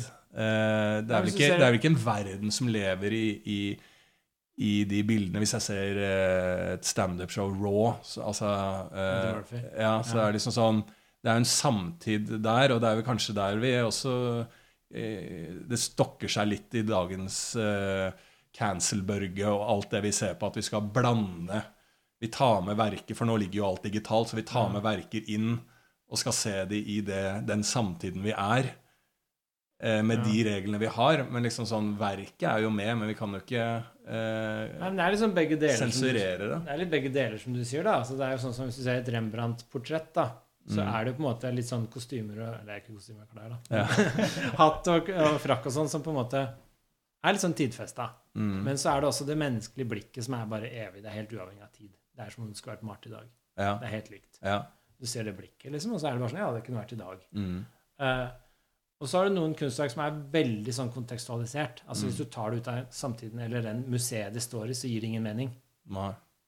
Eh, og det er begge deler i alt, ikke sant? Men Mm. det er mange gode Altså jeg vil jo påstå, da at, Og kanskje vi er uenige her, da, interessant nok. altså Jeg vil påstå at noen kunstverk står seg over tid fordi det uttrykker noe som er tidløst. Det uttrykker noe som er hevet over en samtid. Men det har jo drypp av samtiden sin, fordi det er lagd i en kontekst med en bestemt type maling, for eksempel, som var lagd på et tidspunkt. ikke sant? Mm. Så de som forsker på historien i det, kan jo si på en måte ut fra mange punkter hvor, når det hører hjemme. Mm. Men på den annen side så er det det uttrykket ganske tidløst. Ja. Uh, og, så det er liksom begge deler. Og så er det en skala, tenker jeg. Altså Noen kunstverk er bare så tidfesta at det gir ikke noe mening 14 år etterpå. Mm. Og andre står seg over hundrevis av år. Eh, og hvilke står seg, og hvilke er det som forsvinner når samtiden er over, det er på en måte veldig sånn jeg tror det er en veldig viktig funksjon. da. At Noen kunstverk står seg over tid fordi det er jo med på å kommunisere for eksempel på tvers av generasjoner Ja. på en helt annen måte, som gjør at vi er litt mindre ensomme, som gjør at vi forstår hverandre litt bedre. Vi øver opp forståelsen vår av hverandre på tvers av kulturer, på tvers av tidspunkter. Så. det er vel retningen, mener jeg. Altså, jeg. Jeg tenker mer sånn i kunst så er det vel retningen hvis du, mm, du får en angstfølelse. Altså, du, altså Munch, da. Så får du en tidlig så kanskje en enda mer aktualitet i 2022. Altså virkelig en forståelse av det den personen var tidlig ute med å beskrive. Ja. ikke sant? Da kan vi gå til Kirkegård, begrepet angst. Altså, Ja, ja, ja. altså disse tingene som var tidlig på eh, en, en bevisstgjøring rundt noe som vi i senere tid flere har en bevisstgjøring rundt. Mm. Men så er det jo da av samtiden disse personene gjorde dette. Ja, ja. Derfor står det seg. Eh, mer enn at det er sikkert eh, Og så er det kanskje malerteknisk og det sånn kunstverk. Blir jeg fortalt da av sakkyndige at det er derfor dette er bra. Men det kan ikke jeg avgjøre, på en måte. Eh, Men jeg tror ikke du liksom klarer å rømme fra din samtid. Altså, du klarer ikke å heve deg over det sånn alt i alt at du ikke er i en eller annen tid. nei. Men jeg tror det du skaper, Mm. er, har en eller annen, der er det noen som har den magiske evnen at de klarer å skape et innhold som står seg, Ja. og som blir forstått mye lenger enn andre. Mm. Sånn som ditt standup-show på Nietzsche. Jeg var og så det. Mm. var det det het igjen? Amor, fa Am Amor fatigue. Amor fatigue. Det er showet, ikke sant? Jeg var og så det. Så tar du opp sånne eksistensielle temaer sånn der, om Mm. å liksom omfavne sin skjebne og, og liksom bare bli den du er. og Litt sånn klassiske eksistensielle temaer. Mm. Og det, hvis du tok det opp, la det på YouTube, så ville jo det bli forstått da, om 100 år. Mm. Fordi det er disse evige temaene. Ja. Og så kan vi le litt av noen sånne kontemporære referanser. Du tulla med noe møblement i en leilighet som var Ja. veldig morsomt med Elva. da. ja. Og da det kan, er ikke sikkert de gir så mye mening, eller de er ikke sikkert de skjønner konteksten til det om 200 år, ikke sant? Mm. Eller 100 år, fordi det er noen møbler som på en måte ikke de har lenger, eller et eller annet sånt. Mm. Så det er noen drypp som på en måte er veldig tidfesta. Ja. Men hvis hovedinnholdet, budskapet, står seg over lengre tid, så er det noe evig over det. Mm. Og det er et kvalitetsstempel, tenker jeg. ja. Men hvis du hadde hatt standup-show med Nietzsche, og det eneste du kommenterte, var liksom frakken hans og litt klær og sånne ting som på en måte ikke gir noe mening utenfor en tid, eller i forhold til vår tid, da du bare kommenterte ting Referanser i vår tid, da. Mm. Eh, Bare liksom en, en iPhone 7 var liksom alt du snakka om. ja. Så gikk ikke det noe særlig mening om 100 år. Nei. Og det er litt det å heve seg opp der som jeg Mm. tenker er kvalitetsstempel. Ja. Og det er litt mitt problem med myten om Sisyfus, hvis vi skal komme tilbake til den. da, at Ja. det, det å leve uten appell, det å leve bare nå, liksom bare ta for seg den steinen og rulle den og være fornøyd med det, Mm. det er noe sånn derre passivt over det. Jeg føler ikke at liksom mennesker strekker seg så langt som det kan og bør. da. Det er det jeg tenker. Nei, det er altså Hvis du bare lagde standup-show, var fornøyd med det som det det var, mm. aldri liksom strakk deg etter å lage et enda bedre et, eller et som sto seg over lengre tid, så er det Mm. noe sånn Vi blomstrer ikke som mennesker da. Nei. Altså, jeg, jeg, jeg følger deg helt, ja, og, og, og er jo selvfølgelig helt enig på det. Men så går det an å se det på at det at jeg velger da, i mitt standup-show å snakke om det eksistensielle og noe som er iboende oss mennesker, uansett hva slags politisk styre, hvilken fjerde, femte verdenskrig vi har vært igjennom, Ja. så er dette liksom udødelig i oss mennesker. Ja. Eh, og da kan de jo se på Ja, dette har jo vært snakka om og kommer til å være snakka om og eh, lefla med i all mulig evig tid, på en måte. Så er det egentlig et kvalitetstegn. Eller, er, eh, eller tråkker jeg opp en sti som faen eh, har eh, blitt tråkka i hjel helt siden vi kom på denne jorda? Er det egentlig mer kvalitetstegn Ja, ja. å lage dette en time halvannen om iPhone 13 Ja, ja. eh, med vår og, og, eh, Nå er det jo veldig samtidig i mitt standup-show, men en samtid som kommer til å kjenne seg igjen i fordi at det er det eksistensielle. Eh, så det er, du, du, kan se eh, det litt på uh, forskjellige måter, da. Og da uh, med Sisyfus som eh, bærer den uh, Bærer den steinen, så føler jeg jo at det er mer det du beskriver som er bra med mitt standup-show, er jo egentlig det eh, på en måte Cam- Camus prøver å, å fortelle oss gjennom den myten Sisyfus, da, som er jo da noe som blir sett på som noe negativt og en evig straff. Men er det egentlig det, da? Ja, altså Jeg tror ikke det er noe galt med å tråkke opp gamle stier. Jeg, jeg tror Nei. det er egentlig veldig viktig. Jeg Ja. tror det er veldig overvurdert, det derre at alt skal være nytt hele tiden. Det er jo jævlig slitsomt, alt som skal være nytt hele tiden. Ja. De aller fleste vil jo ha liksom 60% gamle stier, og så vil de ha 40% nye ting. Ja. De vil ikke ha 80% nye stier hele tiden. Det er jo dritslitsomt. Det er litt tilbake til det vi snakka om å bli tildelt smierollen. Ja. Det er en frihet i det. Mm. Du vil ha liksom 60 smierrolle, og så Ja. vil du ha 40% hvor du kan utforske selv. Ja. For det gir en trygghet og en frihet til å blomstre. da. Mm.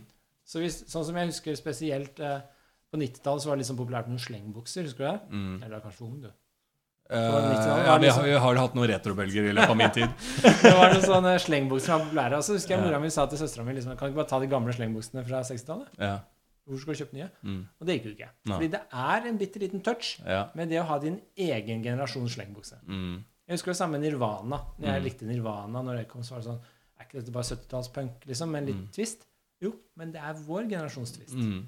Så du tråkker opp gamle stier på en Mm. måte, men vi må gjøre det for å identifisere oss Ja. selv. Mm. Uh, og det, så når du gjør det standup-showet, så har du en touch av din generasjon til stede. Mm. Og det er viktig for at det skal klinge her og nå. Mm. Men det er også viktig at det tar opp noe evig som på en måte kan klinge om 100 år også. Mm. Fordi da har du kommunisert noe ordentlig menneskelig. Ja. Ikke bare noe sånn fashionable bølge akkurat nå, Mm. Som er ganske sånn uinteressant. ja. For det kommer og går. Jo, det er jeg enig i. Det må stå seg litt, tenker jeg. Og det mener jeg med kvalitetsstempel. Mm. Men så må det jo også være litt sånn artig og, å ha kontemporære referanser som kanskje ikke huskes. Hvis du ser på Raw, da, Ja. The Murphy-showet du nevnte tidligere. Mm. Jævlig morsomt, ikke sant? Mm. Fordi det tar opp en del sånne evige ting. Uh, Delirious og Raw, begge de er veldig morsomme. Iskremscenen, jeg husker ikke hvem av de det er, men Jo, jo. Ja. mora liksom kaster skoen på den. Det er veldig morsomt. Men så er det noen homovitser for eksempel, som ikke er så morsomme i dag. Ikke sant. Fordi da det, det er utdatert. ja. Eh, Mm. og det, det passer seg ikke lenger. Og det er liksom hele, spirit, hele den livsfølelsen har forandra seg litt. Ja. Men istedenfor å lese det eh, med harnisk, så er det jo veldig fint å ha det dokumentert. Ja, ja, ja. Sånn var det på den tiden. Tenk deg den utviklingen vi har fått, eh, uten å kaste ned Altså, det, de tingene er jo Det Altså, er jo noe av det rasismegreiene han tuller med, det står seg jo Mm.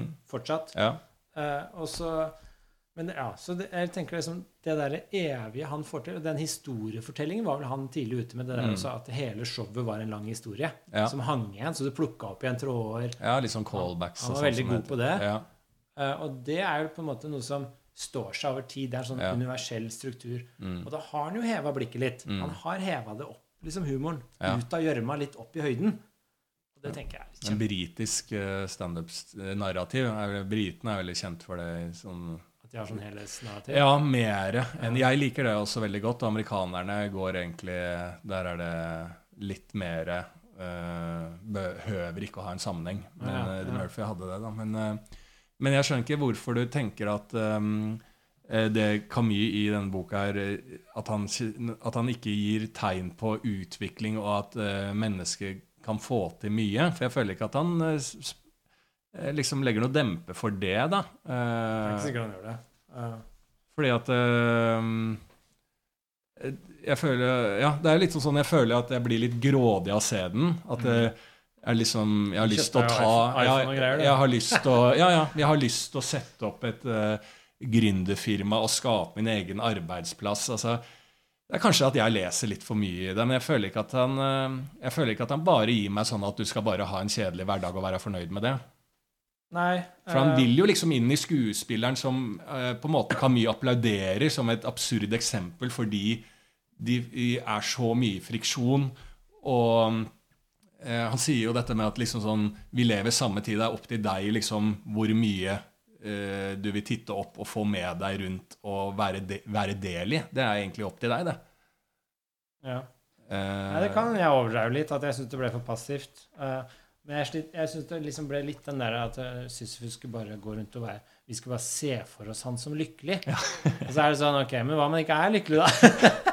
Eller hva om han tror det selv? Men Ja. han burde ikke tro det, for han har et helt jævlig liv.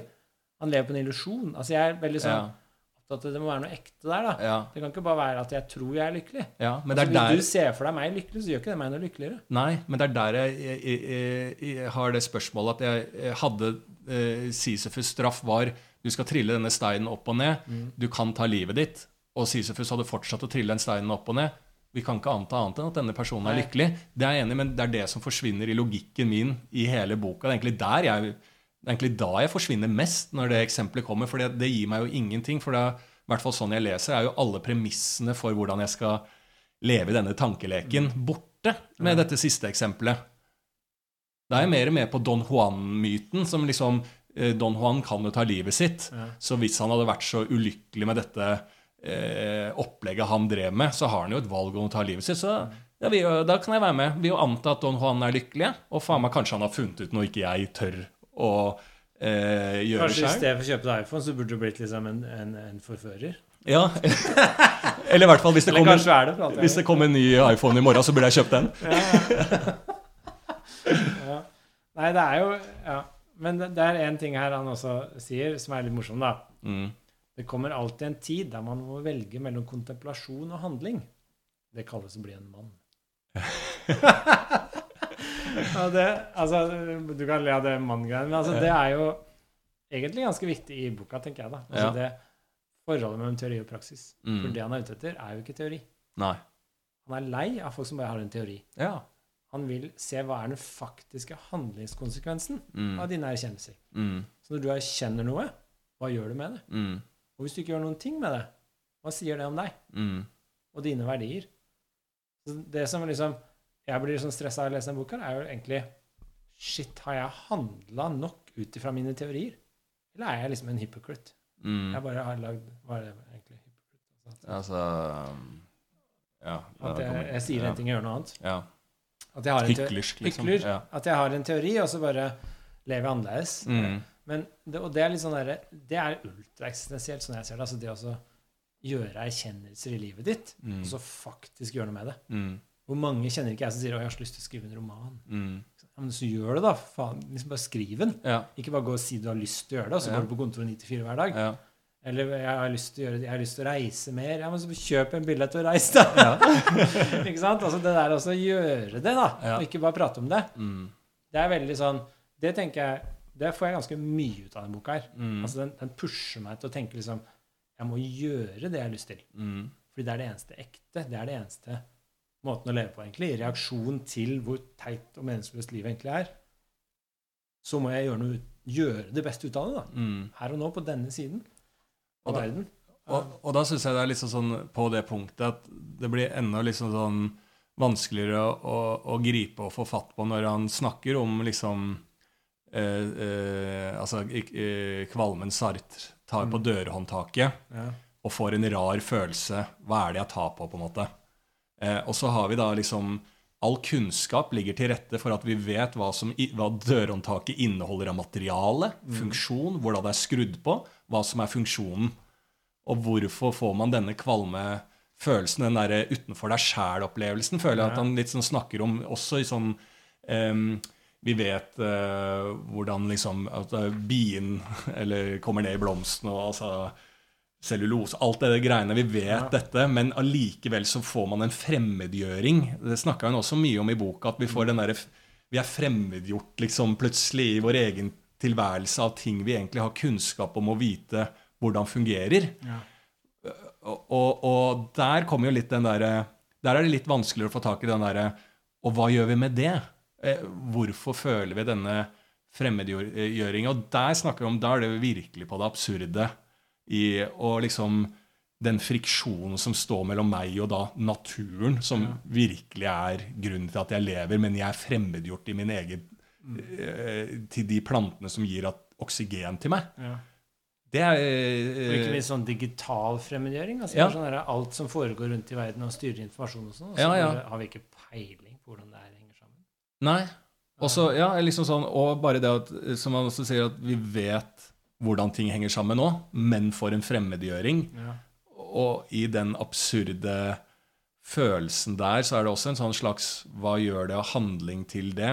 Og der føler jeg at han også er litt sånn inne på å være i det absurde at det oppstår friksjoner mellom oss natur, menneskers samtaler, hvem vi er og hvem vi ønsker å være, hele tida der. Men å være litt og få en ro i det, føler jeg også ga meg egentlig liksom mye at ikke lete etter eh, svarene, men at det er akseptabelt. Jeg trenger ikke å gå inn og google hvordan et dørhåndtak er lagd, Nei, men men heller hvordan- akseptere følelsen av Hvordan finner du ro, tenker du? Altså at du Nei, da, at, eh, at det er ehm, eh, at, eh, at det er absurd, da. Eh, at eh, vi skaper ting som gjør ting eh, lettere for oss.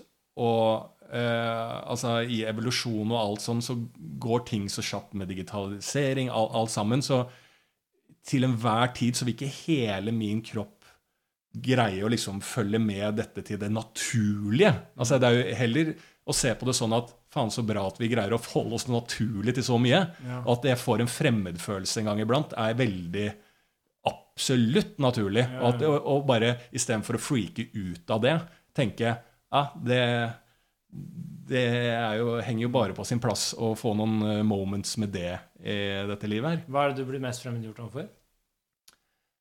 Jeg, jeg kan få ofte litt sånn der utafor meg Altså plutselig så zoomes det ut, eh, og liksom Ja, litt på den Hva er det jeg driver At med? du ser deg sjøl fra utsida, liksom? Ja, og hva er det jeg driver med? Ja. Eh, eh, jeg sitter og ser på en TV-serie som noen har spilt i, men som gir meg en handling Ja. av noe som vekker følelser i min leilighet på Kiellandsplass, Mm. mens jeg i morgen skal gå på den jobben. Og jeg, altså, ja, litt sånn som jeg føler at han Camus prøver å eh, Når jeg zoomer ut og kan kjenne at den angst eh, eh, starter, så føler jeg at Camus vil Hei, Lars. Ja, ja, bli med det, men det er naturlig. Men trekk deg heller inn i å se at det du ser på TV, syns du er gøy nå fordi at eh, de spiller ut en handling du kjenner deg igjen i. Ja. Altså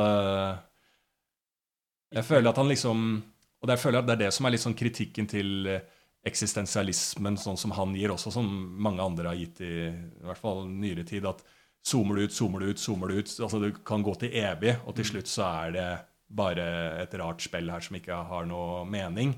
Så føler jeg heller at han prøver å liksom eh, få ned de sprangene og få det helt ned til å se på er det en mening bare med det Ja. vi sitter og gjør. da? Det som er litt rart, er jo liksom For han, han, på en måte sier han at alt er absurd, ikke sant? og det blir fremmedgjort, sånn som du peker på nå.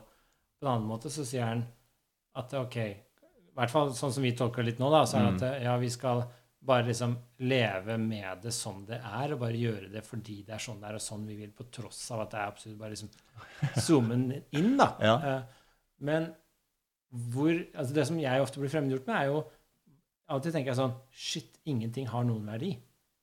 Det er ingenting som har noen verdi. Ja. Og da blir det sånn Hvorfor skal jeg zoome inn istedenfor ut? Hvorfor skal jeg zoome ut istedenfor inn? Jo, men når du får, når si du får dine barn Det er jo det han prøver å sentrere. Den gleden du får med dine barn, ja. det er verdien. ja, Men hvorfor er det verdifullt? Jo, fordi du kjenner på en glede. That's it. Ja, og du kjenner på en glede. Å, faen, så bra med disse barna. Jeg kjenner på en glede. Dette eh, ga meg glede. Liksom. Eh, Tenk om de ikke kjente på det, da. hva sa du? Tenk om man ikke kjente på det, da. Ikke kjente noe glede. Er, Ja. Har det ingen verdi, da? Uh, altså, ja, nei, altså, da vil, da vil du ikke ha den uh, gleden på det, da. Nei, fordi jeg tenker litt sånn på hele bildet hans. altså det er liksom, Jeg har alltid lest det litt sånn nihilistisk i den forstand at Ja. verden har egentlig ingen verdi. Fordi den er absurd. Altså det, vi, le, vi lever som om noe har verdi, som om noe er bedre enn noe annet. Egentlig svarer ikke verden til disse behovene og ønskene. Den, vi roper ut etter verdier. Den er helt Det er bare en stille vegg Mm, som ikke gir oss noe ekko. Eh, og derfor er det absurd. Spesielt når vi erkjenner det.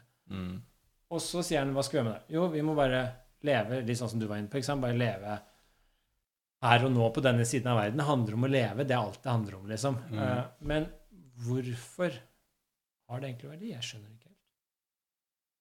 Nei, jeg, ja. Jeg føler at eh, det er der han på en måte har lyst til at vi skal leke litt. da. Ja. At liksom sånn, han, eh, Og det er jo kanskje litt sånn interessant òg, for jeg føler at han lite nevner ordet verdi. Som jeg føler kommer igjen i Ja, veldig eh, veldig mange andre eksistensielle filosofer da, som han snakker om. Og som snakker jo veldig mye om dette verdibegrepet. Mm. Men der går han egentlig litt bort. Han snakker en del om lykke her inne. Ja. Eh, og, eh, og gjøre det altså litt sånn nitsjiansk. Ta det du kan ta, og det du ønsker. ja. Og være glad i det enkle liv. Altså litt sånn, da. Men eh, den verdien, eh, den er vel kanskje han kanskje holdt seg litt unna, fordi at den er liksom vanskelig å svare på. Hvis man begynner å svare på det, så kommer det ofte til et sprang, da. Ja, han snakker lite om verdi. Jeg er enig med det. Også, han sier sånne ting som, det, som du var inne på i stad, tror jeg er riktig. For han sier her han, den reneste av alle gleder, som er å føle. Og å føle på denne jord. Mm. Så det er bare det å føle egentlig som er det reneste av alle gleder. Han snakker ikke om noen verdier, egentlig. Nei. Det er, bare, det er en glede, liksom. Mm. Ja, og den er ren. Og så sier han, eh, litt før så sier han der hvor klarsynet råder, blir verdiskalaen overflødig. Mm. Så der hvor du ser klart, så trenger du ingen verdi. Nei. Så sånn sett så virker det som han egentlig er litt sånn De verdiene, liksom. Altså, de forsvant litt med Gud, de. Ja.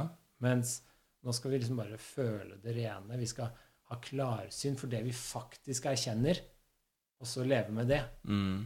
Heller enn å på en måte lage oss fiksjoner og stories og Ja, og bevissthet er også sånn, føles sånn ord som man tar liksom mye i bruk på en måte på Ja, for alt begynner med bevisstheten. Ja. Mm. Um, og at um, Ja, at liksom sånn uh, For å si det eksempelet ditt, da, sånn som jeg tolker det uh, på ditt eksempel Hvis du ikke føler noe glede for å få barna dine, så føler du ikke noe glede for barna dine. Men det er ikke dermed sagt at du uh, føler avsky. Ikke sant? Nei. Skjønner du litt hva jeg mener? At eh, da er jo ikke det Så lenge det ikke er noe stort mer at du tror at barn er det største av alt, ikke sant? da begynner det med sprang. Ikke sant? Det er jo der vi får alle får et lite trøkk i trynet. Noen som får barn. Det er fødselsdepresjoner, og, og som er jo biologisk, men andre at jeg burde sikkert vært mer lykkelig. Ja. For da begynner vi med spranget fordi at dette er jo det største. Da begynner du med ting du egentlig ikke vet. Ja. Det du vet, Einar, var det når du fikk barn, så følte ikke du så mye glede. Og så kan du forholde Nå må det si seg ja, ja. Men så må du, Og da er jo det han veldig tydelig på. Da må du forholde deg til det du vet. Og det er at du ikke følte så mye glede med de barna. Men når du øh, kjøpte en uh, Punk IPA og hørte på noe gammel Nirvana gikk tilbake i din gamle barndom, da hadde du det gøy. Det var litt senere på kvelden. Jeg tror jeg ikke skal gå for langt inn i det. Men eh, jeg fant et sitat her hvor han sier dette opprøret som han snakker om. Mm. Det må, at du bare liksom skal Hva er egentlig opprøret? Det er liksom det derre å holde på sitt og bare gjøre det. Det, og, og det du veit, og det som er ditt, hold på det, gjør det. Og bare fortsett, selv om livet er absurd. Dette opprøret, sier han, gir livet sin verdi. Mm. Det er i det det ligger, Mm. verdien. Å bare holde på ditt. Mm. og fortsette. På tross av absurditeten. Ja. Så det er litt sånn du knytter neven, neven, Ja. neven Ja. så sier du faen heller, jeg skal bare fortsette med det her. ja. Det er litt det han sier, faktisk. Jeg tror, Mm. jeg tror du har rett i det.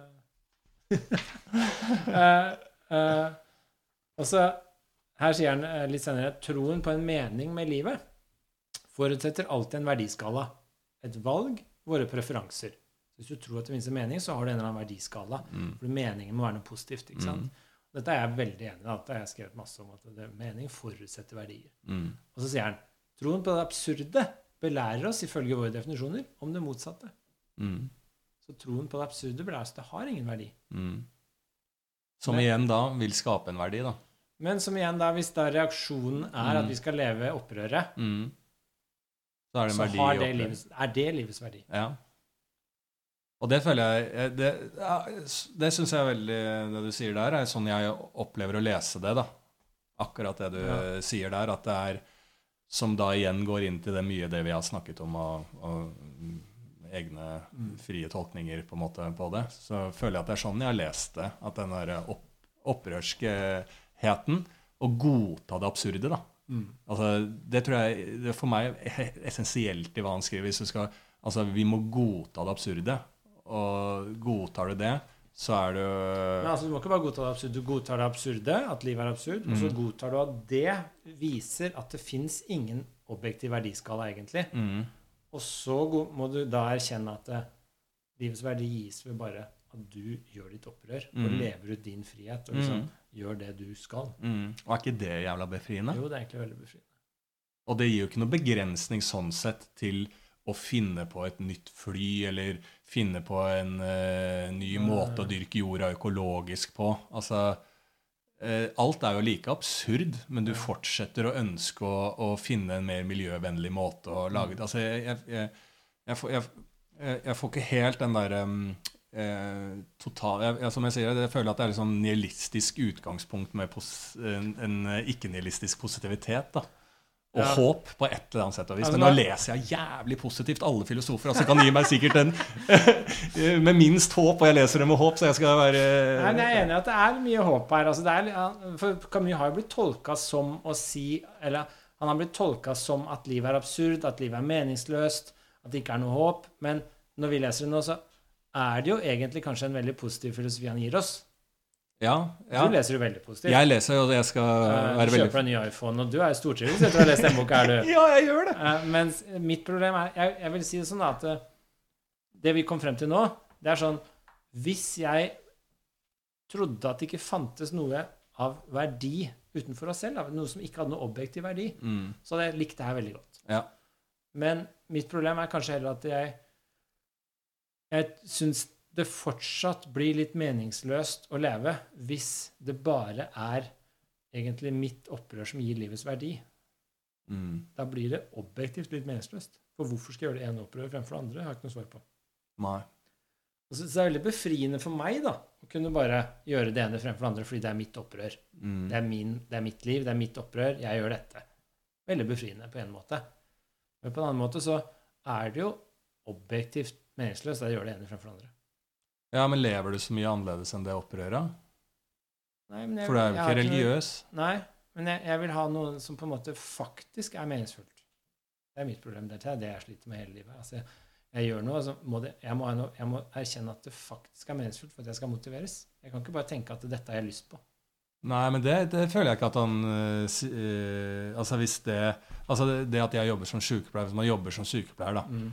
Som er meningsfull Eller frivillig, da. Så, Ja. Altså frivillig. Det er enda bedre eksempel. Du gjør bra ting, eh, leverer suppe til Ja. frivillig arbeid. Eh, det er jo virkelig absurd. Hvorfor skal jeg gjøre noe som gjør andre glad enn meg selv i et liv jeg har godtatt eh, ikke har noe større mening?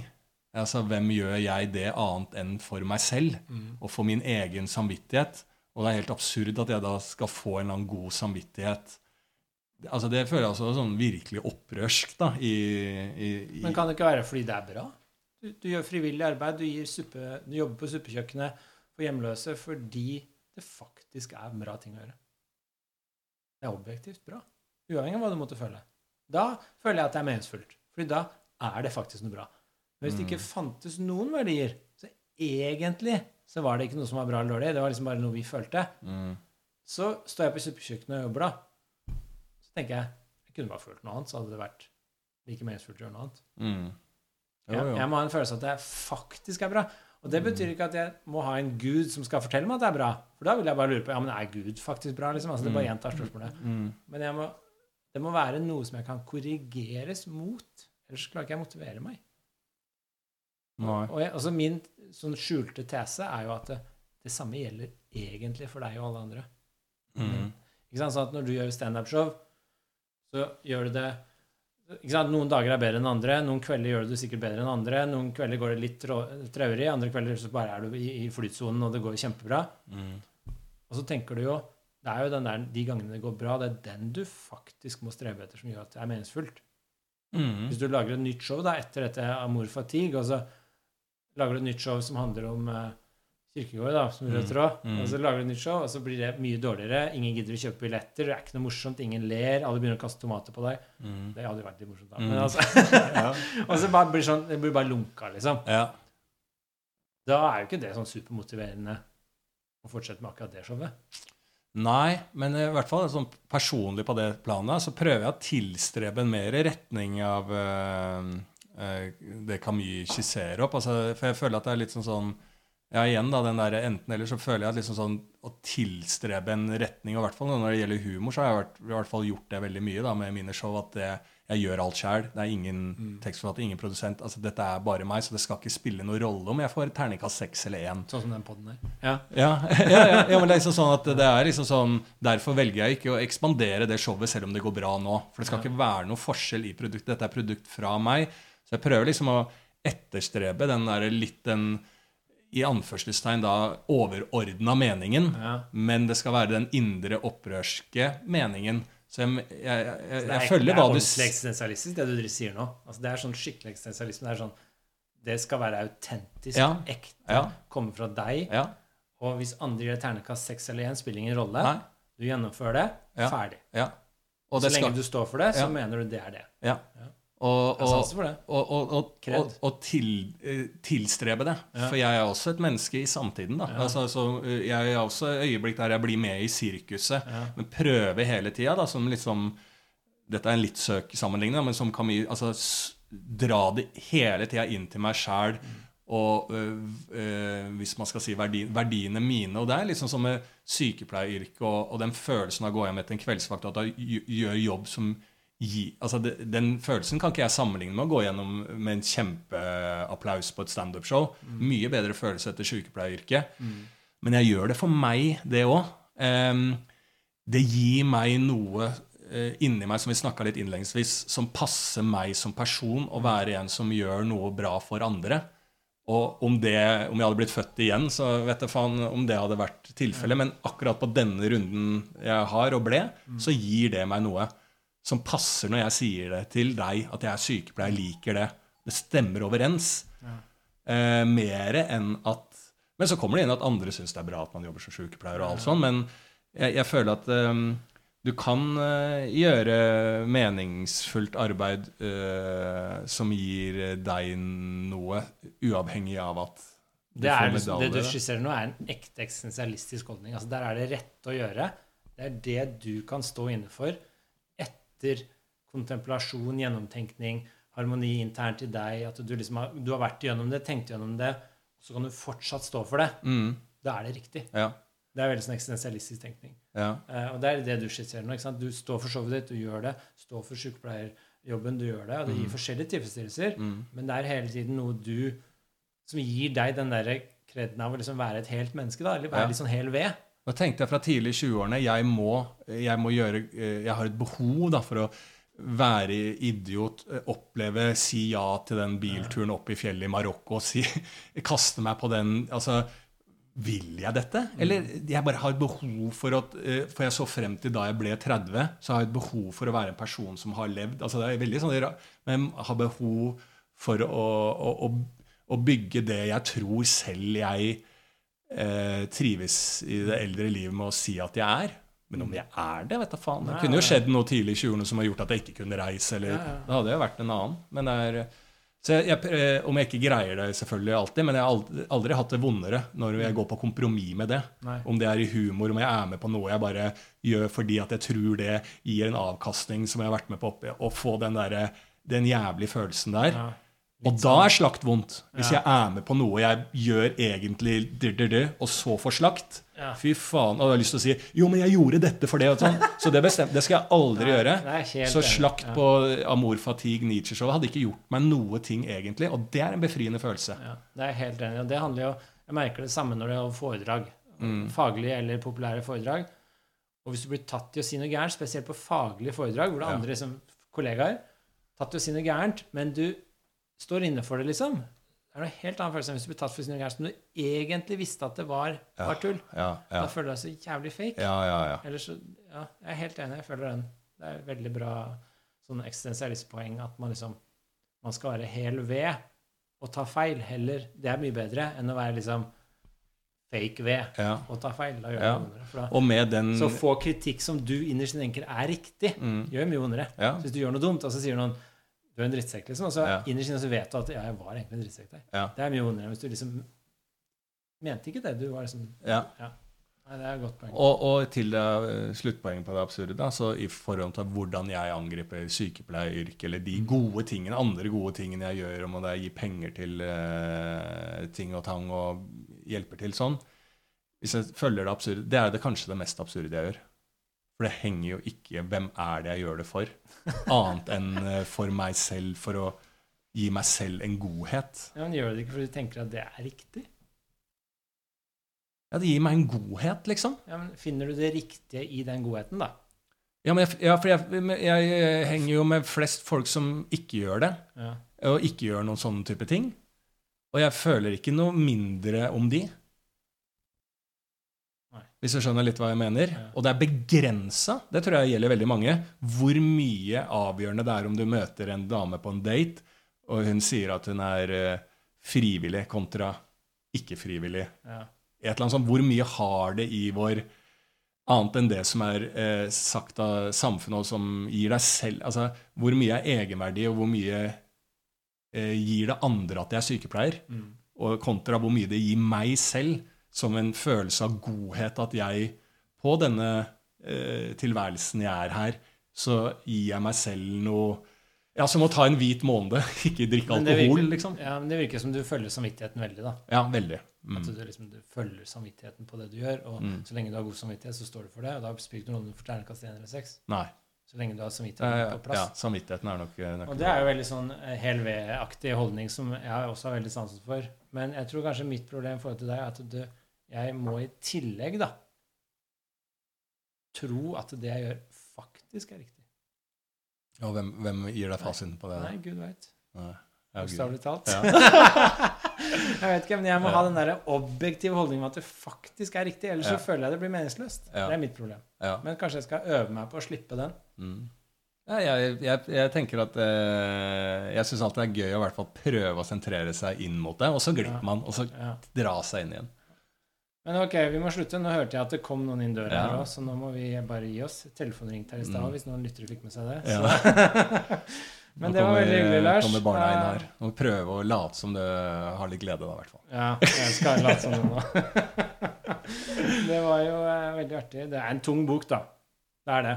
Ja, den er Jeg, jeg synes, Som jeg var litt sånn redd for før den samtalen må sies altså, Jeg har prøvd å snakke om denne boka. Jeg har en filosofvenn. Så jeg, altså, jeg prøvde å liksom s- Hva handler den om? Og til andre venner utrolig vanskelig å snakke om. Altså liksom Hvor skal jeg begynne, og, og hva skal man huske? og essens. Veldig vanskelig å liksom sitte og snakke om den boka, egentlig. Og kanskje derfor det ble litt eh, springende òg. Ja. Men eh, jeg syns vi fikk en del ut av det. Mm. Fikk, ja, jeg likte det vi fikk ut av det, egentlig. Jeg fikk en ny, litt sånn ny vinkling på det etter å ha snakket med deg, faktisk. Altså, Ja, ok. Jeg tror kanskje du har rett at den er ikke så passiv da, som jeg tolker den som. Nei, Nei, jeg, jeg aner ikke. okay. Men veldig bra. Vi, ja. vi Snakes og prøver igjen en annen gang, sikkert. Ja, Veldig, veldig hyggelig. Jeg elsker podkasten generelt. Jeg likte showet ditt òg. Mm. Snakes. Ja.